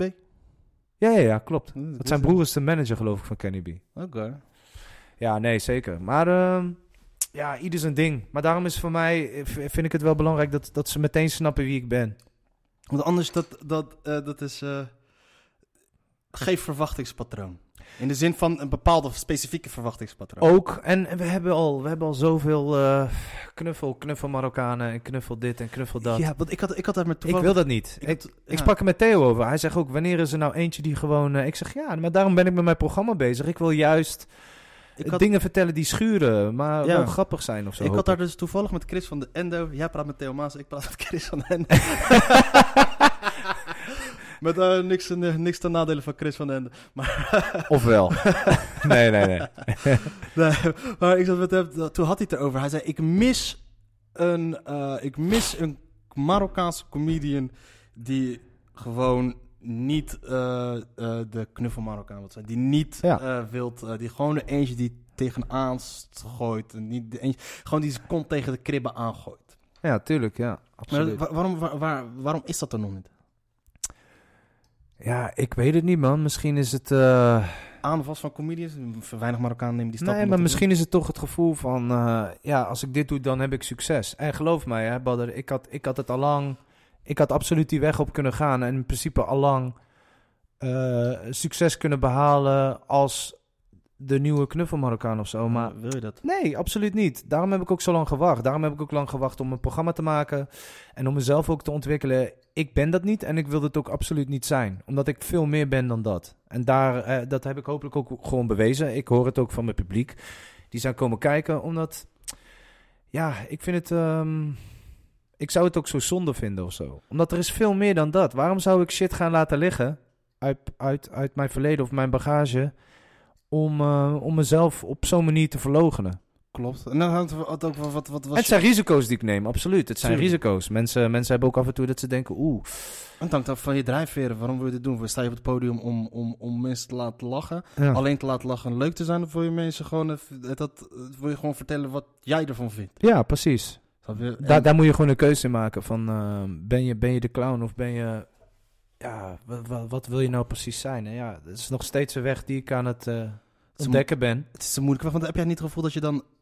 Ben je dan niet ehm, bang dat, dat je erop af wordt gerekend? Als je Nee, bepaalde dingen zegt. Absoluut niet. Ik heb er scheid aan. Ik probeer er echt scheid aan te hebben, omdat ik. eh, ehm, kijk, ik, ik, neem, maar ik neem altijd het voorbeeld Picasso. Picasso heeft no- is nooit bezig geweest met wat de mensen zouden vinden van zijn eh, kunstwerken. Precies. Ik bedoel, eh, ik denk dat hij echt scheid had gehad als iemand had gezegd van ja, zou je dat wel doen? Zo half man en half contrabas. Ik weet niet, het klopt niet. Nee, hij heeft gewoon zijn ding gedaan en hier moeten jullie het mee doen en klaar. Het vergt veel lef. Ja, nee, het heeft niet alleen met lef te maken. Het heeft ook gewoon te maken met eh, waar sta je gewoon voor? En wat, wat is jouw noodzaak dat je doet wat je doet? Snap je? Ja. Mijn noodzaak is nooit geweest geld. Het geld is leuk dat het erbij komt. Maar als ik, dat had, als ik, als ik echt dol was op geld, dan had ik dus, dan had ik dus een pad behandeld die gewoon heel populair is. ja. En dan komen, we, dan komen we daarop weer terug. Maar ik wil gewoon iets moois maken. Ik, ik wil niet een comedian zijn die bekend is. Ik wil comedian zijn die bij wijze van spreken eh, erkend wordt als goede comedian. Ik wil mijn, mijn foto moet naast de Hall of Fame staan. Als, hé, hij was gewoon goed. Hij was gewoon even ander level. Keep it real. Dat, eh, Keep, ja, keeping it real is moeilijk, want dan ben je dus alleen maar bezig met je principes. Je kan het nooit eh, real keepen. Ja. maar het is meer in principe dat je... Dat je, dat je Ik wil eh, mezelf gewoon niet verloochenen. Ik weet namelijk, als je, als je dat doet, dat heb ik in het begin ook een beetje gedaan. Wat ik je net zei. weet je wel, van links naar rechts. Je verloochent jezelf en het publiek is echt slim. Mensen onderschatten het publiek. Al die mensen die dus op podium staan en dus de hele tijd eh, pff, doen alsof het allemaal maar gezellig is. Wat ze eigenlijk doen is, ze, doen alsof hun publiek 12 is. Nee. Publiek is veel slimmer dan dat wij zijn. Natuurlijk, want e- evolutionair gezien zijn, is de mens gewoon gebouwd Ja, om signalen te opvangen van gevaar Ja. of niet gevaar. En als je op het podium staat van, eh, eh, oké, bij jou voel ik me op mijn gemak. Ja. Zo niet, dan krijg je dat, dat dan vluchtgedrag en dan een microvorm. Dan maar ze voelen ook heel erg, hij is nu nep. Ja, Ze voelen heel erg, oké, dit komt uit het hart. die moet ik niet vertrouwen. En dat Want is dan in principe van uit de tijd van, De woede van Geert Wilders is echt. De woede van Mark Rutte nooit. nee, De woede van Mark Rutte, dat is geschreven.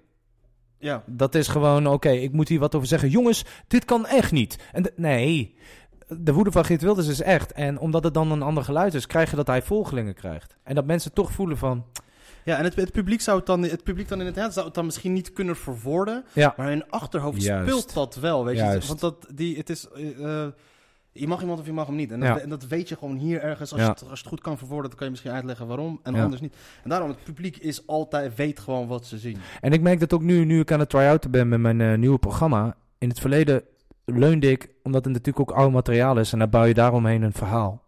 En dat is heel moeilijk. Maar nu probeer ik eigenlijk van niets iets te maken. Ik probeer vanuit een bepaalde fundament, probeerde ik een verhaal of een mening te creëren, waardoor de grappen die komen wel. Maar ik merk dat ik af en toe met een try-out heb ik niet de lach die ik normaal gesproken krijg, maar ik heb niet het gevoel dat ik dood ben gegaan. Waarom? Ik ben op dat moment mezelf geweest. Ja, Ik, ik heb het dicht bij mezelf gehouden en ik heb shit gezegd die ik wilde zeggen. En die ik ook echt heb meegemaakt. En dat is dus het verschil. Terwijl met comedy, als ik gewoon losse grappen maak. En die vaak of niet waar zijn, of misschien een beetje waar. En als die niet werken, heb ik het gevoel dat ik echt dood ben gegaan. En dan ben ik er ziek van. Maar wat, eigenlijk is het gewoon, ik heb mezelf verlogend. En daar heb ik geen. Dat, dat heeft me ook mijn avond gekost nu. ja. En, en daarom, dat is echt het verschil. Dus als je op podium staat en je probeert het echt bij jezelf te houden, dan kan niemand je dat afnemen. Dat is het moeilijkste wat er is. Ja, maar dat is wel, dat is wel, ehm, dan probeer je wel echt te zijn tegen jezelf en dan, dan word je ook niet depressief. Ja. Want toen ik wegreed van mijn try-out en dat ik dacht, oh, ik heb, ik heb hier niet de respons gehad die ik, die, ik- die ik wel gewend ben, merk ik, maar dat maakt niet uit. Ik ben, wel, ik ben nu wel goed bezig. Ik ben mezelf opnieuw aan het uitvinden en ik ben volgens mij een goede kant op aan het gaan. En op een gegeven moment, ik ben alleen tunnelvisie, alleen maar bezig met de uitkomst. ja. Maar het geeft me ook heel veel, ehm, ja, heel veel eh, inspiratie om, om allemaal weer beter te worden. Terwijl in het verleden, jongen, als je, als je doodging met, met, met shit die je van tevoren had bedacht. Ja, dat wat niet eens echt was. Nee, jongen, dat, dan ga je dood. Dan- dan- dan-. Je bent geen echte comedian geweest als je op de terugweg niet hebt gedacht aan een stuk touw en een kruk. Serieus. Klopt, klopt. Het is echt. Terwijl nu had ik dat niet. Omdat ik dus, ja, ik ben dus wel gewoon, ik heb ze in ieder geval wel verteld wie ik ben. Ja, het heeft niet ook te maken dat je bezig bent. Het is een try-out, dus, je zit sowieso, dus het is sowieso al een langer traject waar je, Ja. waar je wat in je hoofd zit. Ja. Dus dan is het sowieso, accepteer je sowieso al. Ja, en de mensen weten het ook. En wij zijn natuurlijk sowieso ook heel zelfdestructief. Dus bij elk ding willen we, denken we, oh, dit was kut, dit was kut. ja, klopt. Ben je ook nooit tevreden? nee, maar dat, dat houdt je scherp, hè. Ja. Ik vind mezelf ook niet grappig. Dat is misschien ook wat... eh, ik laat het gewoon het publiek bepalen, eigenlijk. Dus eigenlijk is het wel een hele rare, rare kunstvorm. Is daar, comedy is daar raar. Want man. ik vergelijk het wel net met Picasso. Maar zoals ik net zei, Picasso die heeft dus gewoon scheid. Terwijl wij zijn toch afhankelijk van wat het publiek... eh, Ja, klopt. Ik heb, ik, heb, eh, ik heb vroeger op st- straat gehangen. Heb ik hoop lijpo's meegemaakt. Ik heb vroeger in de pokerscene gezeten. Hoop lijpo's meegemaakt. Ja. Maar ik heb nog nooit, maar ook nog nooit zoveel lijpo's, zoveel lijpo's bij elkaar gezien als de afgelopen twee jaar in de comedy. ja, het zijn mutants. X-Men. is Niet normaal. Ja. Alleen maar psycho. De ene is nog gekker dan de ander. En de andere heeft ook weer een, de een heeft een andere noodzaak weer dan de andere. Dat is het ook. Sommigen die hebben een toneelschool gedaan en die, ja, die zitten in de tussenjaar. Die denken, ik ga even comedy doen. Terwijl de ander, die, eh, ja, die wil mensen laten lachen omdat hij vroeger thuis alleen maar spanning had gehad. Ja. En toen kon hij niemand laten lachen en nu godverdomme wel. ja, maar dat is. Iedereen heeft een onbewust een bepaalde noodzaak om te doen wat ze moeten doen. Of de ander wil jeugdtrauma's verwerken op podium. Of de ander, eh, ja, iedereen heeft een eigen ding. Maar, het had, maar in principe de, de basis, wat, wat, wat ik dan nu voor jou terug hoor, en wat ik ook met het gesprek van hoorde, noodzaak. Er moet een noodzaak, wil Ja. je het. Niet moet, maar iedereen heeft wel een noodzaak om te doen wat hij wil doen. De ene, echt geloof maar, dat vind ik helemaal niet erg. De, de een zegt, ik kreeg vroeger geen aandacht, ik ben gepest en ik wil nu gewoon aandacht en ik wil gewoon bekend worden. Hey, als dat je ding is, doe je ding. Ja, precies. Ik ga je daar niet op afstraffen, maar dat is jouw ding. En dat wil niet zeggen dat ik dat ook moet doen en dat ik dan word afgestraft van ja, maar we zien jou nooit op social media, dan moet je doen. Ja, maar ik ben niet, ik ben dat niet. Laten we zeggen, oké, de noodzaak voor goede comedy. Ja, maar dat is voor iedereen is dat gewoon verschillend. Voor wat jij en ik goede comedy Ja. vinden. Wat, wat, wat vind jij bijvoorbeeld goede comedy? Ik, eh, de- als ik dan ga kijken naar de mensen die ik dan eh, zeer hoog heb zitten dan. Ja. Eh, John Stewart bijvoorbeeld. John Stewart, Ja. bij hem de noodzaak om datgene aan te kaarten wat gewoon voor geen meter klopt. Ja. En dat zie je dan gewoon ook terug in zijn, in zijn, eh, in zijn persona en hoe hij zijn Maar weet je, hij heet geen John Stewart in het echt, hè? Leibowitz. Ja, de meest Joodse naam. Maar hij wilde, hij wilde niet erkend worden als Jood. Hij wilde niet aan zijn vader gelinkt worden. Dus toen heeft hij Ja, John te- Stewart veranderd. Eh, Klopt, ja. Dus je voelt heel erg, oh, Dat- hij heeft shit meegemaakt. Je gaat niet zomaar je naam veranderen. juist. En bij hem die noodzaak om dat, datgene aan te kaarten wat volgens hem niet klopt. En dat zie je dan Ja. gewoon ook terug. Eh, Chris Rock, hetzelfde verhaal. Datgene aan te kaarten wat... eh, zit. Gepeste jongen. Eh, hij, hij, er werd vroeger op hem gepist. Hij werd geslagen onder schooltijd. Hij is echt gepest. ja, Heel onzeker. Spleet tussen tanden. Was niet moeders mooiste. Kon geen meisjes krijgen. precies. Dave Chappelle, hetzelfde verhaal. Ja. Die, die, die, no- de, de soort van noodzaak om wat te vertellen. Want ik zit dan... Wat ik dan soms zie... En wat, wat ik dan het idee heb in de Nederlandse cabaretwereld... Als ik dat bijvoorbeeld... Het is een fenomeen, is dat tegenwoordig collectiefjes, groepjes. Ja. Met z'n twee of z'n drie op het podium. Ik snap dat niet. Ik, ik, Ja, ieder zijn ding. Ieder zijn ding dat wel, maar ik zit dan naar te kijken, maar dan denk ik bij mezelf, oké, waarom doe jij comedy? Kijk, het is leuk, het is, het is grappig. Ja, maar die veel, veel halen het ook niet, hè. Veel halen het ook niet, omdat het gewoon hetzelfde is dan een ander. Het- er zit niks in, er zit niks, geen identiteit in. Nee, klopt. Het is, wat, eh, eh, kijk, eh, kijk ik dan naar een, wat, wat is, wat, wat, wat, wat, willen, het beeld wat ik hier heb in Nederland is dat de meeste mensen die willen vermaakt worden. Het moet, het Ja. moet leuk en gezellig zijn. Ja. Terwijl ik eigenlijk, dat is een hoop mensen denk ik ook, die, die, die, de- ik, er moet iets bij mij blijven hangen. Ja. Ik, de- ik, ik, wil, ik sta gewoon open voor een goede comedian. Dat hij iets waar ik van denk, nou, dit is zo. Dan Ja. wil ik er gewoon, dan weet ik, een goede comedian die laat mij, zeggen, die laat mij gewoon denken van nee, het is zo. Ja, of het nou geloof is of wat dan ook, Het inderdaad. maakt niet uit wat, weet Ja. je. Dat, dat, dat- zo, daar schaar ik dus dan een, een goede comedian om. En dat mis ik dan wel een beetje in Nederland. Ja. Eh, Dat, en eh, dat, dat zei Chris van den Ende dus ook, dat, die, dat er van, van, vanuit Marokkaanse, eh, dat er geen weinig Marokkanen zijn die dat, die dat, die dat doen. Ja, ik weet ook, ik weet ook waarschijnlijk gaat het gaat, het gaat absoluut Het wel gaat komen. komen, Ja, absoluut. En ik, ik probeer het met mijn tweede en met mijn andere programma's ga ik het ook echt doen, omdat ik dat gewoon heel graag wil.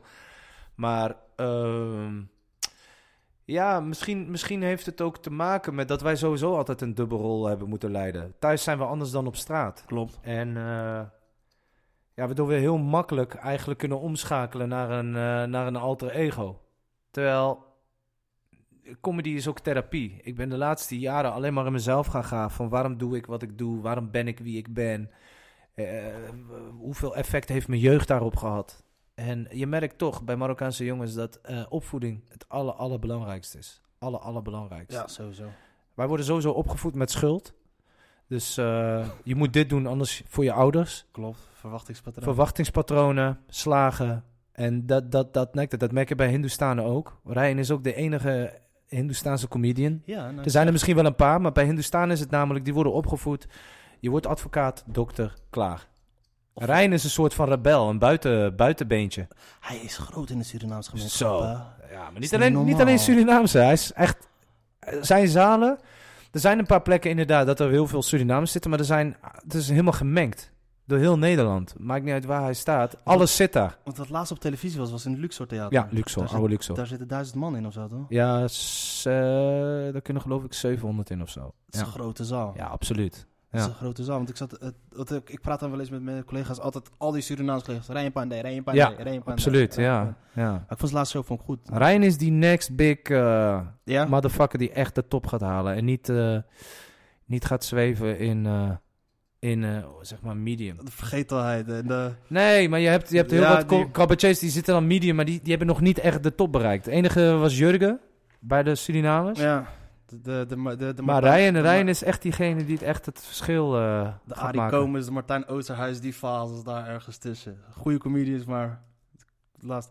Wat, wat, wat, wat is er nodig voor die absolute top? Want jij kent die jongens, jij kent Theo je kent Najib Mali, je kent Hans Theo. Wat voor mindset? Wat voor mindset? Ja, dat is- weet ik niet, man. Dit is, dat, er is geen formule, man. Het enige wat het is, is je moet gewoon... eh, je, je moet vooral... eh, kijk, ik heb liever... bepaalde karaktereigenschappen. Ik heb liever dat ik straks eh, dat ik dat ik dat ik eh, mijn eh, dat ik misschien geen succes ga halen en wat dan ook, maar dat ik dan wel iets heb gedaan waar ik volledig achter stond, dan dat ik geen succes ga halen met iets wat ik waar ik eigenlijk niet achter stond. Dus dat lege waar we het net over hadden. Ja, precies. Maar jij... Zijn succesformule voor allemaal Hans Theo is dat je Hans Theo ziet. Je ziet Theo Maas als Theo begint te lullen. Je ziet Najib als hij begint te lullen. Maar jij weet van jezelf wel dat jij op een bepaald punt gaat komen, toch? Ja, ja, absoluut. Maar eh, dat, is, dat is natuurlijk eh, publiek. Het publiek moet bepaalt uiteindelijk of ze wel of niet gaan komen. Het enige wat ik kan doen is mijn best doen. En hetgene waar ik controle over heb, is mijn eigen talent. Ik heb, bedoel, ik heb mezelf ook piano leren spelen in zeven jaar. Ik heb eh, van alles, weet je wel, gedaan. Omdat ik dat gewoon heel graag wil. Omdat het me echt interesseert. En het is niet om reet te likken of wat dan ook. Terwijl ik heel vaak de vraag krijg van... Kun je niet even een liedje zingen dan, weet ik veel. Iets heel... Smoezen. Ja, nee, maar iets over je, de dood van je vader. Of, ik kan dat niet. En dan ga ik het ook niet doen. Ik kan het niet verkopen. Misschien komt er een periode dat ik het wel kan en dan doe ik het. Maar ik ga het niet doen omdat anderen het verwachten van mij. Ja, precies. Ja, de re- reden waarom ik vraag is, het is in principe, wat, eh, je, eh, je, je hebt al zo diep in jezelf ge- ge- gegraven en dat Ja. soort dingen allemaal. Je weet hoe de scene in elkaar werkt. Je weet van jezelf, je weet van jezelf, die top ga ik halen, ja of nee? Althans in de zin van, ik kan ik Je het voelt halen, het, ja of nee? ja, je weet je voelt het. het aan, kan Ja. En maar, dan is het dan meer van, eh waarom moet ik dat vragen? Wat voor eh, stappen moet je daarvoor nemen? Of denk je dat je daarvoor moet nemen altijd? Of wat moet je laten? Of wat moet je... Nee, ik denk Ik niet dat je... Als je daarmee bezig bent, dat is al fout. Dan denk je echt als een Instagrammer. Nee, niet meer in de, nee, niet in de zin van, eh, niet in de zin van de, eh, ik moet, ik moet eh, met, X, met die gaan praten of dat soort dingen. nee. Maar meer in de zin van bena- benadering. De benadering meer. Ja, de benadering is gewoon... wat, wat heb je te vertellen? En wie ben jij? Dus, Wat, het- wat, wat, wat, wie en wat ben jij? dus dat is een, in principe is, gewoon een simpele benadering. Wie ben ik? Ja, wie it. ben jij en hoe kan ik ervoor zorgen dat mensen mij gaan leren kennen en niet Badr die gaat praten over eh, de zoveelste, ja, wij zijn Marokkanen, wij zijn Ja. dieven. Nee, als je het dan daarover hebt, probeer de mensen dan anders te laten kijken naar zo'n situatie. Ja. Of eh, probeer in ieder geval jouw mening steeds te verkondigen en niet een mening die populair is of eventueel misschien grappig, maar daar zit niks in. Het is een beetje alsof je Indisch ziel. kookt vanuit zo'n pakje knor. Weet je wel? Het is niet echt. Er zit geen ziel in. Het is allemaal voorbedacht. Klopt. Weet je wie het allerbeste voorbeeld is van gewoon van als je dat met ziel, iets met ziel doet, dat het gewoon fucking goed gaat worden? Nou, Nejat Atabel. zij ook, Zij absoluut. heeft geen goede stem. Nee. Maar er zit zoveel ziel in dat Ja, maar wat denk jij van is. Bob Dylan? Die gast kan niet zingen. Zijn Ja. nummers zijn fucking prachtig. Het is geschreven vanuit...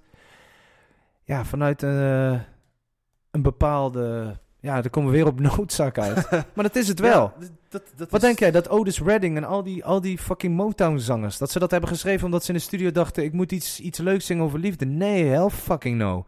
Sitting on the Dock of a Bay van Otis Redding... Dat is, dat is geschreven vanuit een bepaalde visie. En hij zat daar ook. En het heeft vaak ook... Goede comedy ontstaat... eh, en goede muziek en kunst eh, ontstaat uit eh, repression. Hè? Onderdrukking. Ja, En of, daarom zijn de Joden een van de beste... samen met donkere en weet ik veel wat... klopt. het is allemaal ontstaan vanuit een bepaalde onderdrukking. Ik bedoel, jazz blues, dat is op een kantoenveld is dat begonnen. Klopt, ja. Al, al, die, al die Afrikaanse... En, en als, ik jou, als ik jou die situatie ga kenschetsen en ik ga niet benoemen wat daaruit is gekomen, dan zou je zeggen, wat fucking heftig. Dus die mensen, de vrijheid afgenomen, die moeten vervolgens voor een blanke plantage-eigenaar gaan werken. Ze krijgen geen geld en ze krijgen klappen. En als ik jou dan daarna vertel, ja, maar daar is dat en dat uit ontstaan, Dat kun je niet met elkaar synchroniseren. Maar zo zie je maar, uit ernst, uit dingen ontstaan hele mooie dingen. Klopt. Je moet altijd toch... wat noemen we Een berg, een berg is ook ontstaan door aardbeving.